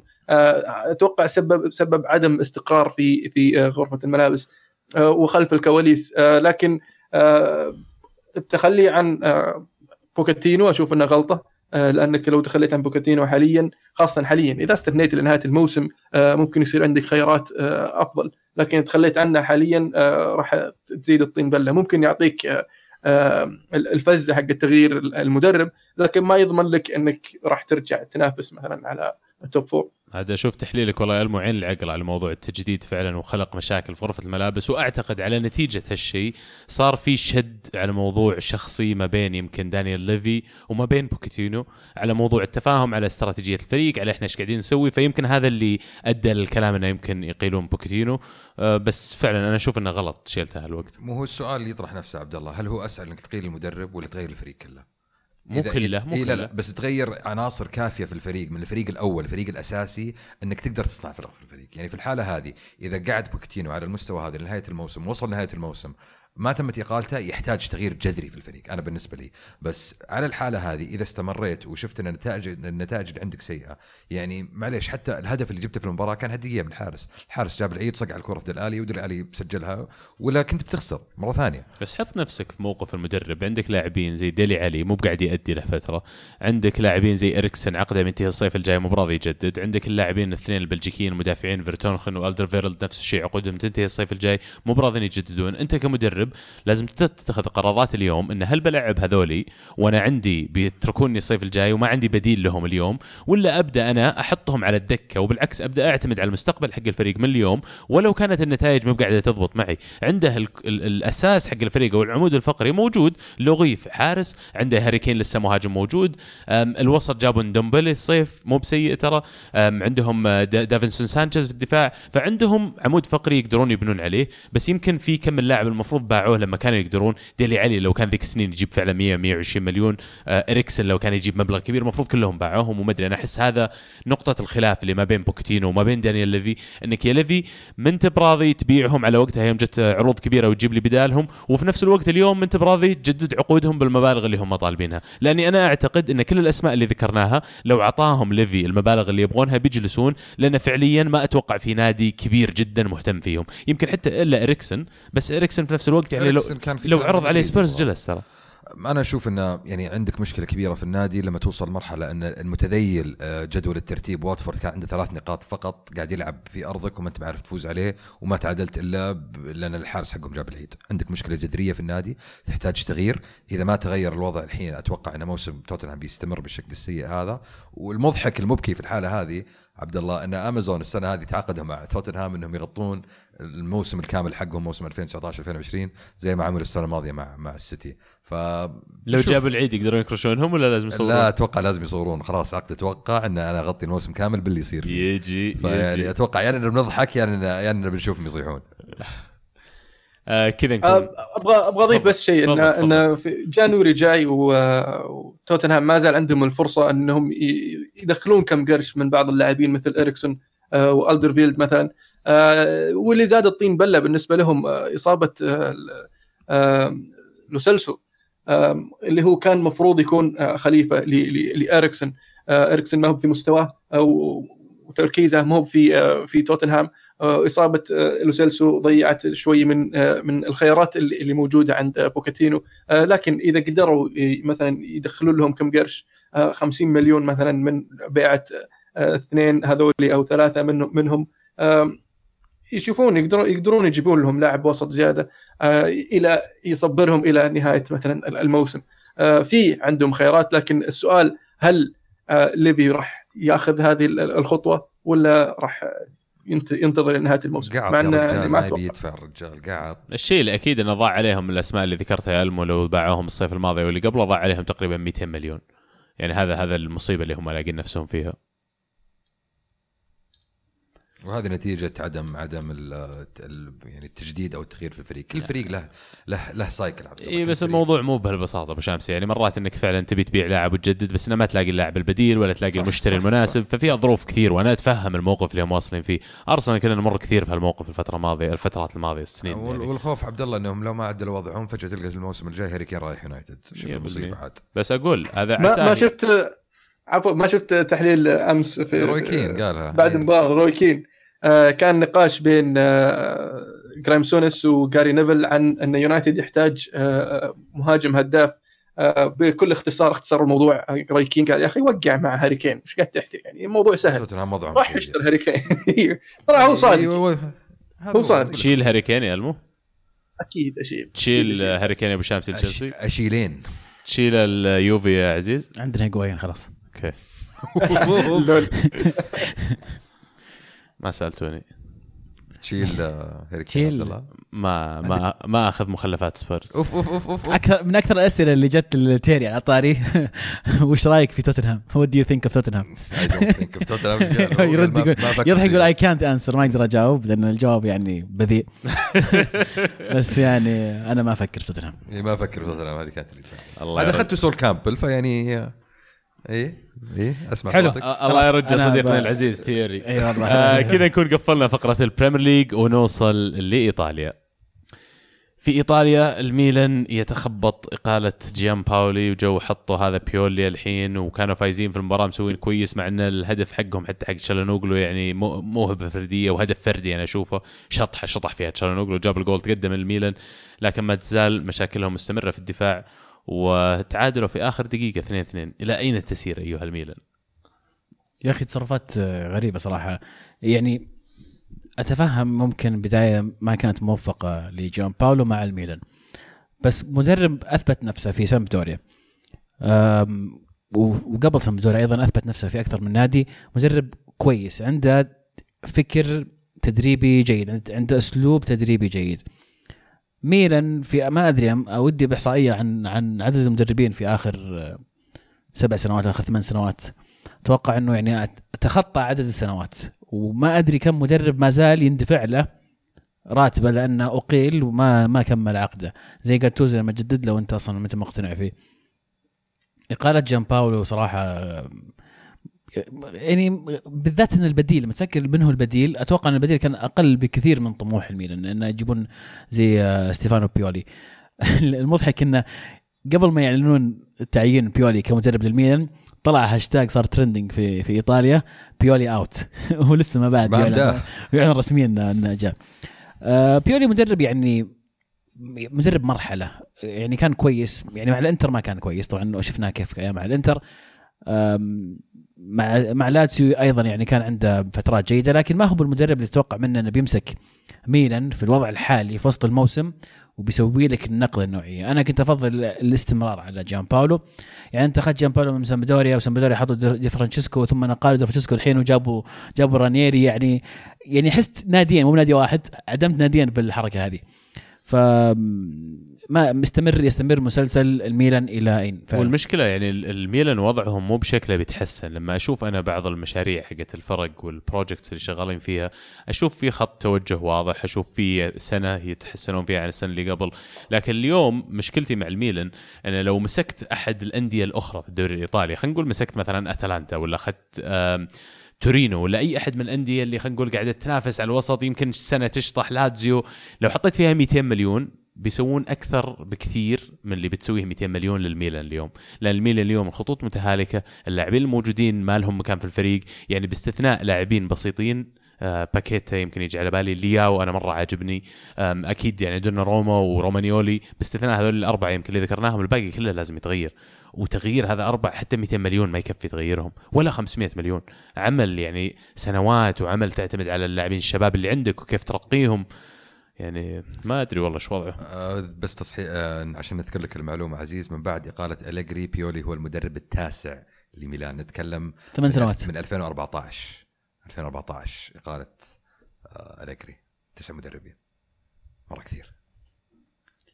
يعني ما يعني شيء شيء محزن صراحة. إنه فعلا يعني فعلا. الفترة طويلة جدا اللي يعاني فيها ميلان. ما هي ما هي قصيره ما هي يعني يعني شفنا الإنتر دخل في مرحلة خلينا نقول مثلا توهان والآن بدأ يرجع بشكل صحيح لأنه في إدارة أنا كنت متفائل كثير بالإدارة الجديدة للميلان كونها أسماء يعني كانت تلعب في الميلان قدمت للميلان تشعر بروح الميلان. ولكن إلى الآن بوادرها للأسف غير ايجابيه بس جدد عزيز أغلبهم جدد. يعني الأسماء اللي ذكرتها كلهم جدد في الإدارة بالإضافة إلى أن إيفان جازيدس تو الظاهر وما كمل سنة معهم جايبينها المدير التنفيذي للنادي. فالشغل هذا يحتاج وقت وللأسف أن التركة اللي لقوها هم ما هو بشيء سهل حله.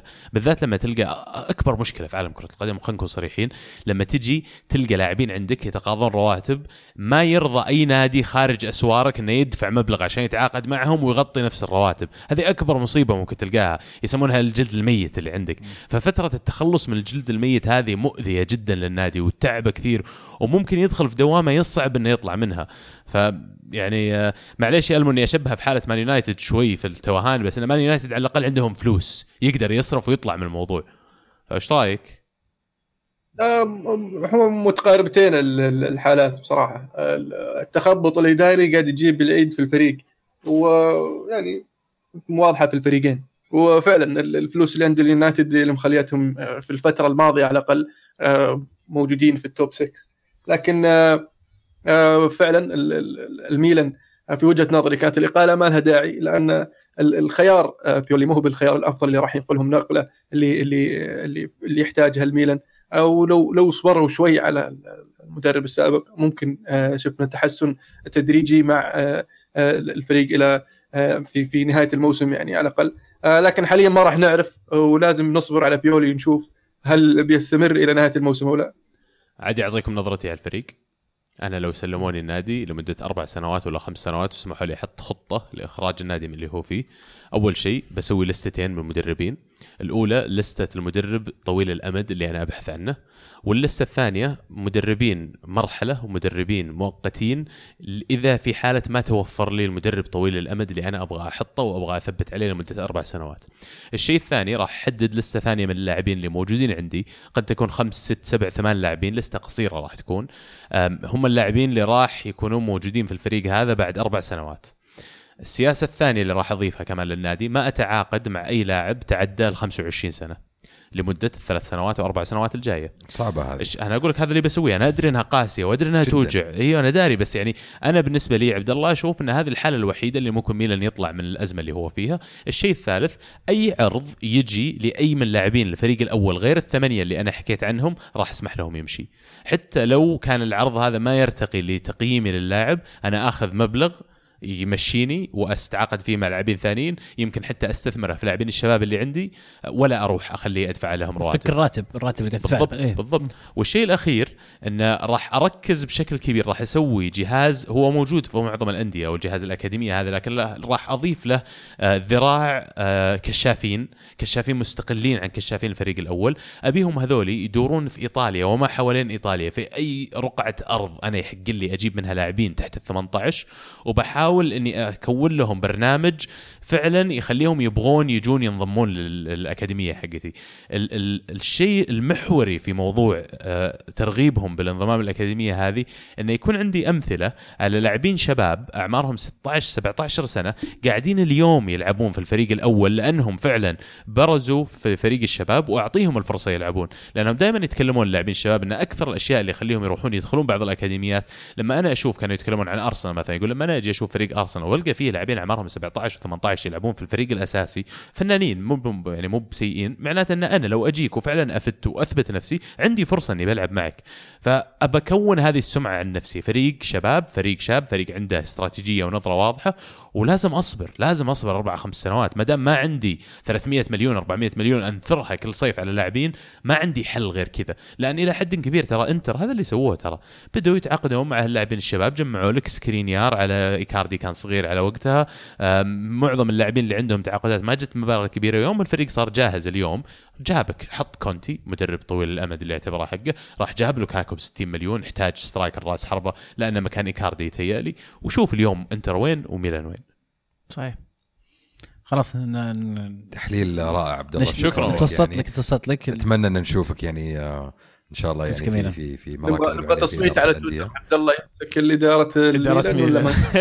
عبد الله كيف علاقتك مع جزيدس؟ out أنا أنا من هذا المنبر بالعكس. جزيدس جزيدس تعرفه. إيه، ولدنا هين بس من كلم تيري دق على تيري طيب. يصير مساعدي ها إيه. من هذا المنبر أدعوكم كلكم أتحداكم أن تكملون الرخص التدريبية حقت آه، فيفا. ترى في كورسات يقولون إن بعضها تعطى في السعودية. فليش لا؟ الاتحاد الآسيوي يقدم آه، شهادة تدريب الاتحاد الآسيوي ب- مقدمة عن طريق الاتحاد السعودي لكرة القدم. فموجودة تبدأ من D C B A كلها موجودة. فاللي مهتم يدخل على موقع الاتحاد السعودي لكرة القدم ويلقى الدورات. طلعت نفسك منها. التحدي لكم أنتم. لا والله أنا. حاولت اسجل بس الوقت للأسف ما ناسبني جدا. اللي في الرياض لازم. تفرغ؟ لازم تفرغ أسبوع لدورة D وتوقع أسبوعين لدورة C إذا ما غلطان. وتدور في انحاء المملكة. فمرة في الرياض مرة في جدة مرة في الخرج مرة في القصيم مرة في حايل. فكل واحد كل أهل الديره ينتبهون متى يكون وقتهم ويسجلون فيها. أه، بس بشكل عام في إيطاليا قبل ما ننهي أتوقع إنه ما في أحداث كبيرة صارت الاستمرار فوز اليوفي على بولونيا 2-1 ملاحقتها من الانتر فاز 4 3 على ساسولو في مباراة يعني مجنونة. إيه. انتر تقدم 4 1 بعدين ساسولو جابوا هدفين في آخر الدقائق. وطبعا بالتخصص آه، بيراردي يستمر في يستمر في التسجيل على إنتر بيراردي كيف ما طلع من ساسولو؟ بيراردي يعني وقتها لو أذيه ما أدري وصححني يعني إذا أنا غلطان وقتها يوم طلع كان الموهبة الشابة اللي شايل ساسولو وتأهل معاهم من السيريا بي وجا للسيريا إي وقاعد يلعب مرة كويس وسجل أهداف كثير ومباريات كبيرة كثير منها ليش ما انتقل من ساسولو؟ بيراردي أعتقد عنده مشكلتين آه، عدم الاستمراريه في كل المباريات يعني في مباريات يكون فيها نجم يظهر فيها بشكل واضح آه، مباريات ثانية لا يختفي كثير.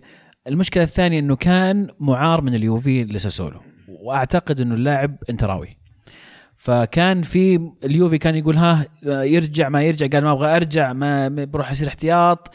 فصار في أكثر من من مشكلة إلين انباع لساسولو والظاهر لما انباع لساسولو كان مستواه مو بمرة زي ما كان في بدايته. طب هل فعلا ساسولو عندهم فلوس وقادرين إنهم يعطونا راتب كبير؟ ما عنده مو راتب مو بكبير راتب عادي جدا. أنا أعرف إن ساسولو من أغنى الأندية الصغيرة في إيطاليا. آه ساسولو أغلى عقد رعاية في الدوري الإيطالي لأن اللي يملك الشركة الراعيه هو نفسه رئيس آه، النادي بطريقة أو بأخرى فعقد الرعايه على الصدر هذا مابي هو أغلى عقد رعاية في في الدوري طب حتى اليوفي نفس الملاك.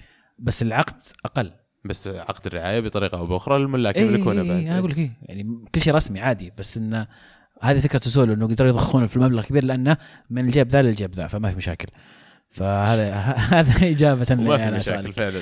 المباراة الأخيرة اللي بتكلم عنها بس لاتسيو اتلانتا 3 3 تقدم لاتسيو 3 0 رجع اتلانتا 3 3 لا، العكس، لا العكس العكس. sorry اتلانتا تقدم 3 0 ورجع لاتسيو في آخر الدقائق. آه، وضربة جزاء في آخر دقائق لإيموبلي ومع الحماس جا بيحتفل. وما عرف يفسخ تيشيرته. وطاح. طاح. بس ال- ال- الجدير بالذكر بصراحه أن أتلانتا تقدم في الشوط الأول 3-0 وضيع التقدم في الشوط الثاني. وإيموبلي آه، هدفين و assist آه، الهداف الدوري حاليا. آه، إيموبلي قاعد يسجل أسماء يعني بشكل آه، رائع في في الدوري الإيطالي وقد يكون هو المهاجم الأول للمنتخب الإيطالي للسنوات القادمة. كان كان في في وجهة نظري التنافس بينه وبين بيلوتي لكن آه، إيموبلي فرق فرق كثير عن بيلوتي. ولا وصارت في لقطة حلوة في نهاية المباراة تقريبا دقيقة 88 كانت لسه خلاص يعني تقريبا انتهت المباراة. آه انفردوا لاتسيو بالكرة أمام المرمى حاول المهاجم إنه ينقش الحارس صدها الحارس فجأة صار عندك ثلاث مهاجمين ل عفوا آه، كانت الهجمة لاتلانتا انفرد مهاجم أتلانتا في الحارس حاول ينقش الحارس ما ضبطت. فجأة صار عندك ثلاث مهاجمين وأربع مدافعين. شاتوا الكرة المرة الأولى صدها المدافعين شاتوها المرة الثانية صدها المدافع. رجعت آه، للمهاجم حاول يشوتها المرة الثالثة مدافع من الخط شالها. فكانت يعني لقطة دفاعية رائعة الصراحة. التنظيم الدفاعي حق يعني لاتسيو كان جميل جدا في اللقطة هذه. عزيزي بسألك أم، في لقطة مباراة إنتر تحديدا كان لوكاكو مسجل هدفين وبعدين جاء بلنتي للإنتر. فرصة إن لوكاكو يسجل هاتريك وكان لوكاكو شايت البلنتي اللي قبله. تركه لوتارو مارتينيز. ليش؟ ليش؟ ما أقدر أقول لك صراحة لوتارو سجل في المباراة سجل، ترى. إيه. اي يعني فعندي فرصة أجيب هاتريك شوف في بعض ال- ال- المهاجمين ويمكن ألمو ممكن يفيدنا أكثر بشخصية آه، لوكاكو بالتحديد بس في بعض المهاجمين ما يفضل انه يشوت بلنتين في نفس المباراة. خلاص واحد لأنه سواء سجل أو ضيعه يقول خلاص أنا يعني اختبرت نفسي مع الحارس خلي أحد ثاني لأنه نفسيا يعني ما يحتاج يفكر يقول أنا الأولى لعبتها على اليسار okay هذه لازم ألعبها على اليمين ولا أعيد نفس الزاوية ولا أسوي بانينكا ولا هذا كله ينلغي خلاص لاعب جديد جاي بلنتي قد يكون هذا السبب بما أن لوتارو كان already مسجل في هذه المباراة إيش رأيك ألمو؟ آه، وارد جدا وارد جدا لأن لوكاكو ضيع بلنتي مع اليونايتد في في فترته مع اليونايتد وعقبها ما عاد صار يشوت بلنتيات آه، حتى مورينيو. مورينيو. تكلم مورينيو مورينيو تكلم عنها مورينيو تكلم عنها إن آه، بس ما ذكر لوكاكو بالتحديد قال إن في لاعبين يخافون يشوتون البلنتي وبوجبا ما عنده مشكلة يث- يثق بنفسه حتى لو ضيع بلنتي يشوت مرة ثانية. يضيع مرة ثانية. ما عنده مشكلة. عاد أنا خبر لوكاكو أتذكر يعني أيام كان فترته مع تشيلسي ضيع بلنتي الأخير في مباراة السوبر ضد بايرن ميونخ وفاز بايرن ميونخ في ال- في كاس السوبر وبعدها كان وقت مورينيو بعد بعدها طلع من النادي على طول راح لإيفرتون. فواضح إن الموضوع يعني راجع من زمان. كذا نكون وصلنا لنهاية الدوري الإيطالي ونوصل لبطل وبصل. بطل وبصل. إيه، مين جاهز؟ يرفع يده يرفع يده بصراحة أنا جاهز ما تشوف ألمو رافع يده. لا ما. شفتك sorry ألمو بعيد شوي. اسلم. آه بالنسبة لي آه بطل الأسبوع آه ريال ميوركا اللي قدر يفوز على ريال مدريد آه في على أرضه وبين جمهوره. طبعا آه أرض أنت ميوركا ليش تحب مايوركا؟ آه، وش السر. اللي تحب مايوركا يا لاني لاني رحت ميوركا كم مرة في الصيف صراحة يعني فأنا أحب قد حضرت مباراة هناك. قد حضرت مباراة ميوركا وفالنسيا. أيام آه، الحارس آه، شو اسمه آه، كانيزاريس تذكره؟ الأشقر؟ أوه مره مرة من زمان. مرة من زمان. آه، فيستاهلون بطل الأسبوع. آه، بالنسبة لي لبصل الأسبوع ال- الفار في الدوري الإنجليزي وأحد اللقطات اللقطة حقت هدف آه، ديلي علي اللي آه، كان فيها شك إنها لمسة يد. فيلم الجول. اي الحكم في الأخير رجعوا للفار الحكم قال هدف والشاشة في الملعب قالت مو بهدف وفي الأخير انحسبت هدف ففي لخبطة. okay. آه، وبالنسبة لهدف الأسبوع هدف آه، التعاون على نادي الأهلي فاول آه، من زاوية عجيبة كانه ديفيد بيكم. خرافي الهدف. رائع صراحة. عندك عزيز؟ آه أنا بالنسبة لي بطل الأسبوع نادي روما اللي أو بالتحديد ال social media حق روما تويتر وانستغرام بشكل بالتحديد مبادرتهم لمحاربة العنصرية في الفترة الأخيرة واضحة جدا وصريحة بصوت واضح وردا على جميع اللي يسكتون عن العنصرية تصير في إيطاليا بالتحديد الاتحاد الإيطالي اللي أكبر همه أن المباريات ما تقرصن وت- وتصير الناس يشوفونها عن طريق اللينكات ولا همهم العنصرية اللي قاعد تصير آه، روما إيش سووا؟ آه، في واحد أرسل رسائل عنصرية إلى إخوان جيسوس في إنستغرام راحوا عرفوا منه ومنعوه يدخل الملعب مدى الحياة. أوف. صكوه بحرمان. صح عليهم. ومستمرين في محاربة ال- ال- العنصرية على حسابهم بشكل واضح وفعال. مو بس إن إحنا نحارب العنصرية لا يروحون يقولون فلان هذا عنصري وبنروح ندوره بنجيبه ف... يشهرون إي إي عرفت؟ يعني شغالين بشغل يعني تحس كأنهم بكل صراحة كأنهم إنجليز. في التعامل مع العنصرية. كيف انه لا يروحون يتلونهم هذا فلان وفلان نحرمهم. فأتمنى إنه هذا الشيء يستمر ويكبر ويروح أكثر من من الأندية الإيطالية كلها والمديريات الأوروبية الثانية. البصل بالنسبة لي نادي شالكة اللي خسر من هوفنهايم كان عنده فرصة لو فاز في هذه المباراة كان يتصدر الدوري. راحت عليهم.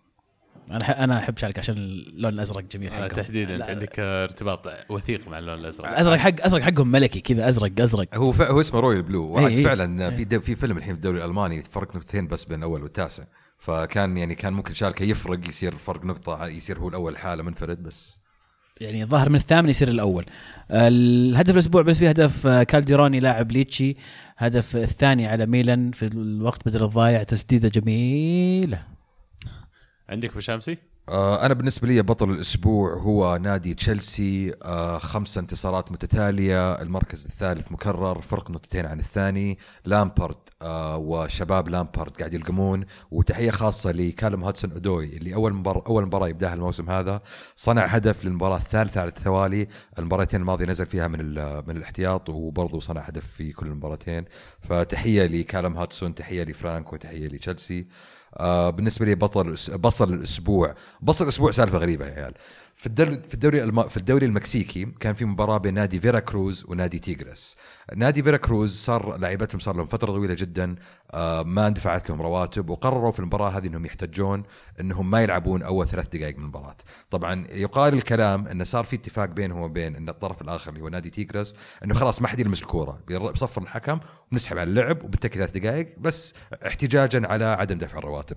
طبعا الفيلم اللي صار إنه بعد الدقيقة الأولى سجلوا تيغرس الهدف الأول وما تحرك أحد من من فيرا كروز تكوا. رجعوا دقوا الكورة قاموا يطقطقون لعيبة تيغرس يطقطقون يطقطقون وسجلوا الهدف الثاني.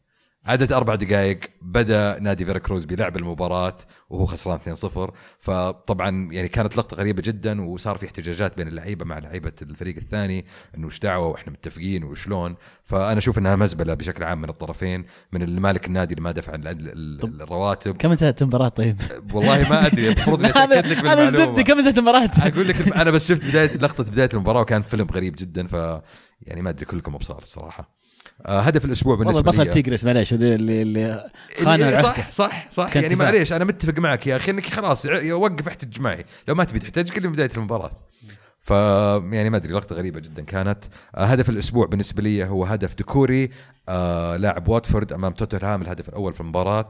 آه جت الكورة من قلب الدفاع رماها فوق لما وسط الظهير اليسار. تعدى الفريق كله. آه الظهير اليمين الظهير اليمين عكسية إلى ديكوري وهدف 1-0 بكل سلاسة سهولة وبساطة. أنا بطل الأسبوع عندي آه، ليفندوفسكي اللي من بداية الموسم وهو قاعد يسجل أهداف زي الماكينة وصل عدد غبي already ثمان مباريات الظاهر مسجل 13 مدري 14 هدف إذا مو بأكثر. يستاهل بطل الأسبوع مع إن بايرن ما فازوا هالجولة لكن مع كذا بعطيها ليفندوفسكي بصل الأسبوع ليفربول والقناعة اللي هم عايشين فيها إنه بدون صلاح وكوتينيو فريقهم يقدر فعلا يجيب الدوري الإنجليزي. لو خسروا مباراتهم أمام اليونايتد وهو اللي كان المفروض يصير كان ما أتوقع أنهم بينتهون بالفوز بالدوري وكل أسبوع تسألني السؤال العزيز سيتي لو تشيل منه اجويرو راح يفوز سيتي لو تشيل منه دي بروينا ولا ستيرلينج ولا اختار أي واحد عندهم شيل واحد لسه راح يفوزون. ليفربول بدون صلاح لابورت. ناقص جدا. لابورت؟ لابو أنت اخترت منص يعني هذه هي الفكرة أنا- موقع حساس طبعاً. طبعا خسروا كومباني الصيف وما جابوا أحد صح خطأ. لكن لسه أشعر أن سيتي أقوى لما تشيل منهم لاعب من ليفربول لما تشيل منهم صلاح. يعني باختيارك اللاعب أي واحد تختاره. عاد المرة الماضية ما لعبوا بقلوب دفاع لاعبين بلعيبه صح وسط محاور رودري وفرناندينيو لاعبين قلب دفاع. محمد بالله شيك لنا على نتيجة تيجريس والفريق ذا. على بال ما على بال ما. نخش ال- الهاشتاج ونقرأ كم سؤال إيش رأيك؟ بس قبل- الأسبوع؟ إيه. ما تبون أقول الهدف يعني؟ آه. okay مرة. اي عموما الهدف أنا كان عندي آه، لفت نظر لهدف تشالونوغلو هدف رائع تسديده من الزاوية الضيقة مع الميلان هدف جميل لكن الهدف حق السيتي الهدف حق سيلفا تحديدا الهجمة كلها من البداية إلى كيف تعرضت وتحركت في الملعب إلى كيف ستيرلينج أخذ ذيك اللحظة عشان ينقشها لسيلفا اللي بدون ما يناظر المرمى عارف الحارس وين بيكون وعارف المرمى وين وتسديده ما بين رجول الحارس على الأرض لازم يكون هدف الأسبوع. الحين اسمعوا عاد. عاد المعلومة انتهت مباراة تيغرس ثلاثة لتيغرس واحد لفيراكروز الزبالين فازوا بهدف الهدفين الغش حقهم. ولا وجاهم طرد بعد آه، تيغرس فزبالين ألف يعني. أبغى أبغى أبغى أقول لكم بس آه، بسال أبو شامسي يعني عن ال fantasy. آه، أنا طبعا حظي في ال fantasy سعيد اللاعب اللي أحطه ما عاد يسجل. تذكرون بوكي وبارنز بداية الموسم كيف كانوا كل مباراة يسجلون؟ شريتهم اثنين حطيتهم اثنين قدام من يومها يا عيال ولا واحد فيهم ما سجل هدف. اتفقنا لا جيت تشتري ناس تعلمنا.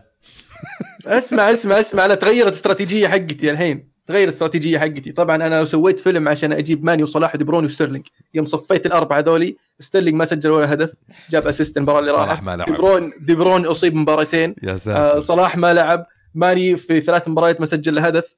عرفت شلون؟ فلما شفت الموضوع كذا وشفت الحبيب هذا إبراهام قاعد يسجل قلت بجيب ابراهام جبت ابراهام ما سجل يا عيال. فسؤالي بسألك يا أبو شامسي أيوه. أنا كنت كنت أبغى أجيب ماونت. بس هودوي قاعد يسوي شغل فأجيب ماونت ولا هودوي؟ والله شوف أنا شخصيا يعني شايف إني مسوي مين أهم مين أهم بالنسبة لك لل- للفريق؟ أنا أنا لك. أجيب الأهم أنا أبغى اعطله أنا بس أنا بقول لك الجولة الماضية أنا كان في بالي ضروري جدا ينزل هاتسون ادوي لأن المباراة اللي قبلها نزل لعب ب assist وقلت أكيد المباراة هذه بينزل وبيسوي assist فعلا بدأ وسوى assist وأنا من تناحتي ما حطيته فأنا أقول إنك حط هاتسون ادوي لأنه كان أفضل لاعب في مباراة نيوكاسل بالراحة وشكل الولد بيولع كم سعره تعرف؟ لا رخيص رخيص رخيص. ما عليك الظاهر أقل من 6 خلي نقاشكم هذا بيع واشتري بعدين الحين وصلنا لهاشتاج الحلقة عندك عزيز. هاشتاج الكرة معنا من معليش الهاشتاج مستر مودي يقول دورتموند يفك العقدة ويعود لطريق النصر بفوز صعب والفارق والمنافسة على أحر من جمر في ألمانيا. قطار ليفربول يصطدم في محطة مانشستر والليفربول لم يقدم الاداء المرجو على عكس المانيو اللي قدم أداء مقنع. هدف الأسبوع هدف السومة البطل ليستر سيتي والبصل كوفاتش. طريق النصر ولا طريق الهلال؟ آه. قوية قوية. والله بس أنتم نفسيات ولا هي قوية؟ ريان أعتذر للمستمعين طبعا. ريان يقول إيش سويت يا سييرا يا ريتك ما رجعت وكرهتنا فيك. كنا نقارنه مع ديمتري وغيره والحين صار الكل يكرهه. حمدان الشمراني الشوط الأول جناح أيسر والشوط الثاني قلب دفاع. لا تعليق. ما انت أنا ما عندي تعليق الصراحه أنا احس المو وده بس ما وده. كنك داري؟ اللي ما أبغى إيه، خلاص اي كفى على السالفة. طيب مقتدى يقول لو أنت مدرب وخيرتك بين لاعب سوبر ينصاب كثير خلال الموسم أو لاعب عادي ما ينصاب. لاعب سوبر ينصاب بس على حسب كم إصابة. لأن معليش خلينا نكون واقعيين ذا اللاعب العادي إيش بيسوي لي؟ فابيان دلف تقعد لي ولا تقول لي بيجيك فان بيرسي لا يا حبيبي؟ أعطيني جيمس يعني- يعني الموسم بيل ولا لينجارد؟ بيل بالضبط. عطني لاعب. اي باخذ جارث بيل. لا يعني والله مع أنا- كامل احترامي يا المو. أنا أبغى جيمس ميلنر لا، بالعكس، أنا معك. آه okay كويس. جيمس ميلنر هي جيمس ميلنر مو بلاعب عادي لو لا سمحت. والله لاعب he's an average player that is very consistent يعني الرجال عادي جدا لكن. way over average أنا أنا أتفق معك إنه أسطورة. أنا ما أشوف إنه average player شوف غير كلامه ضغطته يا المو غير كلامه على طول. أيضاً- سواء أسطورة من average أسطورة مسيري بمسيرته الكروية. رجال فاز بمسيرته. كلمة أسطورة إيه. صارت ترمي كذا. خربتوها والله.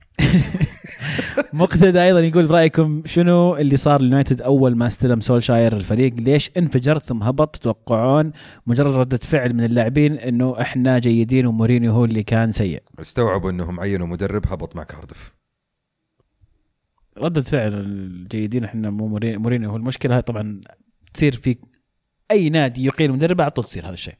بس ليش رجع هبط المستوى؟ ما قدر يحافظ عليه. سولشاير أول ما تعين أول ما تعين كمدرب رسمي طاح المستوى. الفريق يحتاج يحتاج إلى تغيير. وصعب إنه يغير كل شيء في نفس الوقت. وخاطر هو انه انه مشى اللي يقدر عليهم وما قدر يجيب مكانهم. فمانشستر يونايتد حاليا قاعد يعاني إنه ما عنده الدبث في الكواليتي اللي عنده. يعني الخيارات الموجوده عنده لاعبين بلا خبرة أو لاعبين زبالين مثل روخو وجونز. ف شيء طبيعي اللي قاعد يصير حاليا. الموضوع يحتاج إلى آه، فترتين انتقالات على الأقل الين نشوف مانشستر يونايتد في مستوى أفضل. وتدور الدوامة ليش بعت لوكاكو ما جبت مهاجم؟ يعني تعود المشكلة إلى الإدارة وتعود المشكلة إلى النادي مشاكل مختلفة لأن لأن يا أبو شامسي النادي اذا يعني. اذا إذا تبغى إذا تبغى تجيب مهاجم آه، بديل على مدى على الفترة البعيدة ما ينفع تجيب أي أحد. لازم تجيب واحد تعرف إنه يمشي مع ال system حقك وتعرف إنه واحد راح يقعد معك مدة طويلة. عرفت؟ ممكن حاليا في January تجيب لك واحد يسد لك الخانة إلين آه، على موسم ونص مثل آه، ماندزوكيتش. تعطيه موسم ونص يضبطك آه، إلى في هذا الموسم ثم الصيف الجاي تجيب لك تيمو فيرنر يصير هو ال long term striker حقك. والله لو إنكم ماخذين إيكاردي بدل بي إس جي كان أصرف لكم. لا لا آه لا. تجيب لي واحد مفلم ويسوي مشاكل يسجل أهداف. ما بناقصين مشاكل. وعندنا واحد قاعد يسوي يسجل أهداف بس آه بس إنه بزر. وتوه جاي من ال Championship طيب. لا أنا أتكلم عن لوكاكو يعني حاسب تقول جيمس يعني ما أدري. أم ناخذ آه، مشاركة أخيرة من الهاشتاج. علي يقول شيء مفرح ويدعو للفخر. أنت تشوف عضو من بودكاست الكرة معنا يدير حوار مع أكبر اللاعبين في أوروبا والعالم. وشيء مفرح أيضا أن تشوف اسم برنامج الكرة معنا في أكبر الملتقيات والمعارض لأنه ببساطة يستاهل هذا البرنامج. شكرا أعضاء وجمهور الكرة معنا. والله الصراحة يعني أثلجتوني اثلجتوا صدري بردة فعلكم. تع- التعليقات كانت كثيرة مو هذا وحيد بس علي يعني ما يهون بعد من بينهم. رد الفعل اللي جانا من عندكم فعلا خلانا يعني نحس ان كل أسبوع اللي نجي وفعلا الحب اللي نحسه لل- للبرنامج وللي يس- يسمعونا إنه متبادل كمان. والشيء هذا الحالة رد فعل شخص زي كذا يكفيني إني أجي أحط من وقتي كل أسبوع ولو كان ما فيه أي مردود لنا من ورا الشغلة هذه إلا اننا فعلا نقدم لهم هالمادة يكفيني الصراحه من إنها تقابل هاري؟ صراحة يعني مشينا مو بغلط. يعطيكم العافية. شكرا لكل من شارك. آه، المشاركات ترى قال يمكن عشان كان أسبوع فيفا وتوقف وكذا أنا أتذكر كان في مشاركات قبل بس إن إحنا بشكل عام نحاول اللي يذكر اللي, يسعنا الوقت ان نذكره ترى أكثر شيء يحزنني والله لما يجي واحد يكتب إني أنا شاركت وما ذكرت مشاركتي. لأن فعلا والله لو اتسع الوقت ودنا نذكر كل المشاركات. بس يا ليت انكم تعذرونا ويعني لو آه لو ما ذكرناه مرة ولا مرتين ابتل شارك معنا إلا يعني بيجي إن شاء الله ال ال الوقت اللي بيسعفنا الوقت إن نذكر فيه ال- التعليقات وما نستغني عنكم والله كلكم يعني. نفس الهاشتاج الأسبوع القادم آه، الكورة underscore معنا. ننتظر آرائكم مشاركاتكم أسئلتكم بطل وبصل كل المحتوى الكروي اللي عندكم شاركونا فيه ونستمتع دائما بالحوار معكم. وبعطيهم تغشيشة. ترى غالبا إذا يعني تبغى ترفع احتمالات إن سؤالك ينذكر غالبا الأسئلة اللي تنطرح يوم الجمعة والسبت والأحد عندهم قابلية أكثر أنهم ينذكرون لأنه بشكل عام يكون أقرب السؤال ويكون أقرب كمان للحدث نفسه. فتلاقي يفكر بشيء معين ولا يشعر بشيء معين في نص الحدث وحطت التغريده فيكون في فرص أكبر إن نقدر نذكرها في الحلقة. والأسئلة الذكية. أحب الأسئلة الذكية أنا. صدق. عموما آه، وصلنا كذا لنهاية حلقتنا هذا اليوم. نتمنى تكونون استمتعتوا معنا. زي ما قلنا لكم بداية الحلقة لا تفوتكم اثرى ولا يفوتكم موسم تنوين اللي موجودين في الشرقية. زوروهم. فعلا مكان رائع لقضاء الوقت سواء مع أخوياك ولا حتى مع أهلك. مكان ونيس آه، تعليمي وتستفيدون منه كثير. وواجهه مشرفة للبلد. آه، نذكركم تتابعونا على كل حساباتنا على التواصل الاجتماعي. تويتر ساوند كلاود اي تيونز موجودين في سبوتيفاي موجودين في أنغامي. ومرة ثانية أي application بودكاست. إحنا مو موجودين فيه. كل اللي عليكم تسوونه خذ screenshot غرد لنا وخلينا إحنا نشوف نسوي الباقي. كانت هذه مواضيع حلقتنا لهذا اليوم ونذكركم تابعونا يوم الثلاثاء الجاي. كل أسبوع في نفس الوقت إن شاء الله إحنا معاكم. كانت الكرة معنا والحين الكرة معكم. فمان الله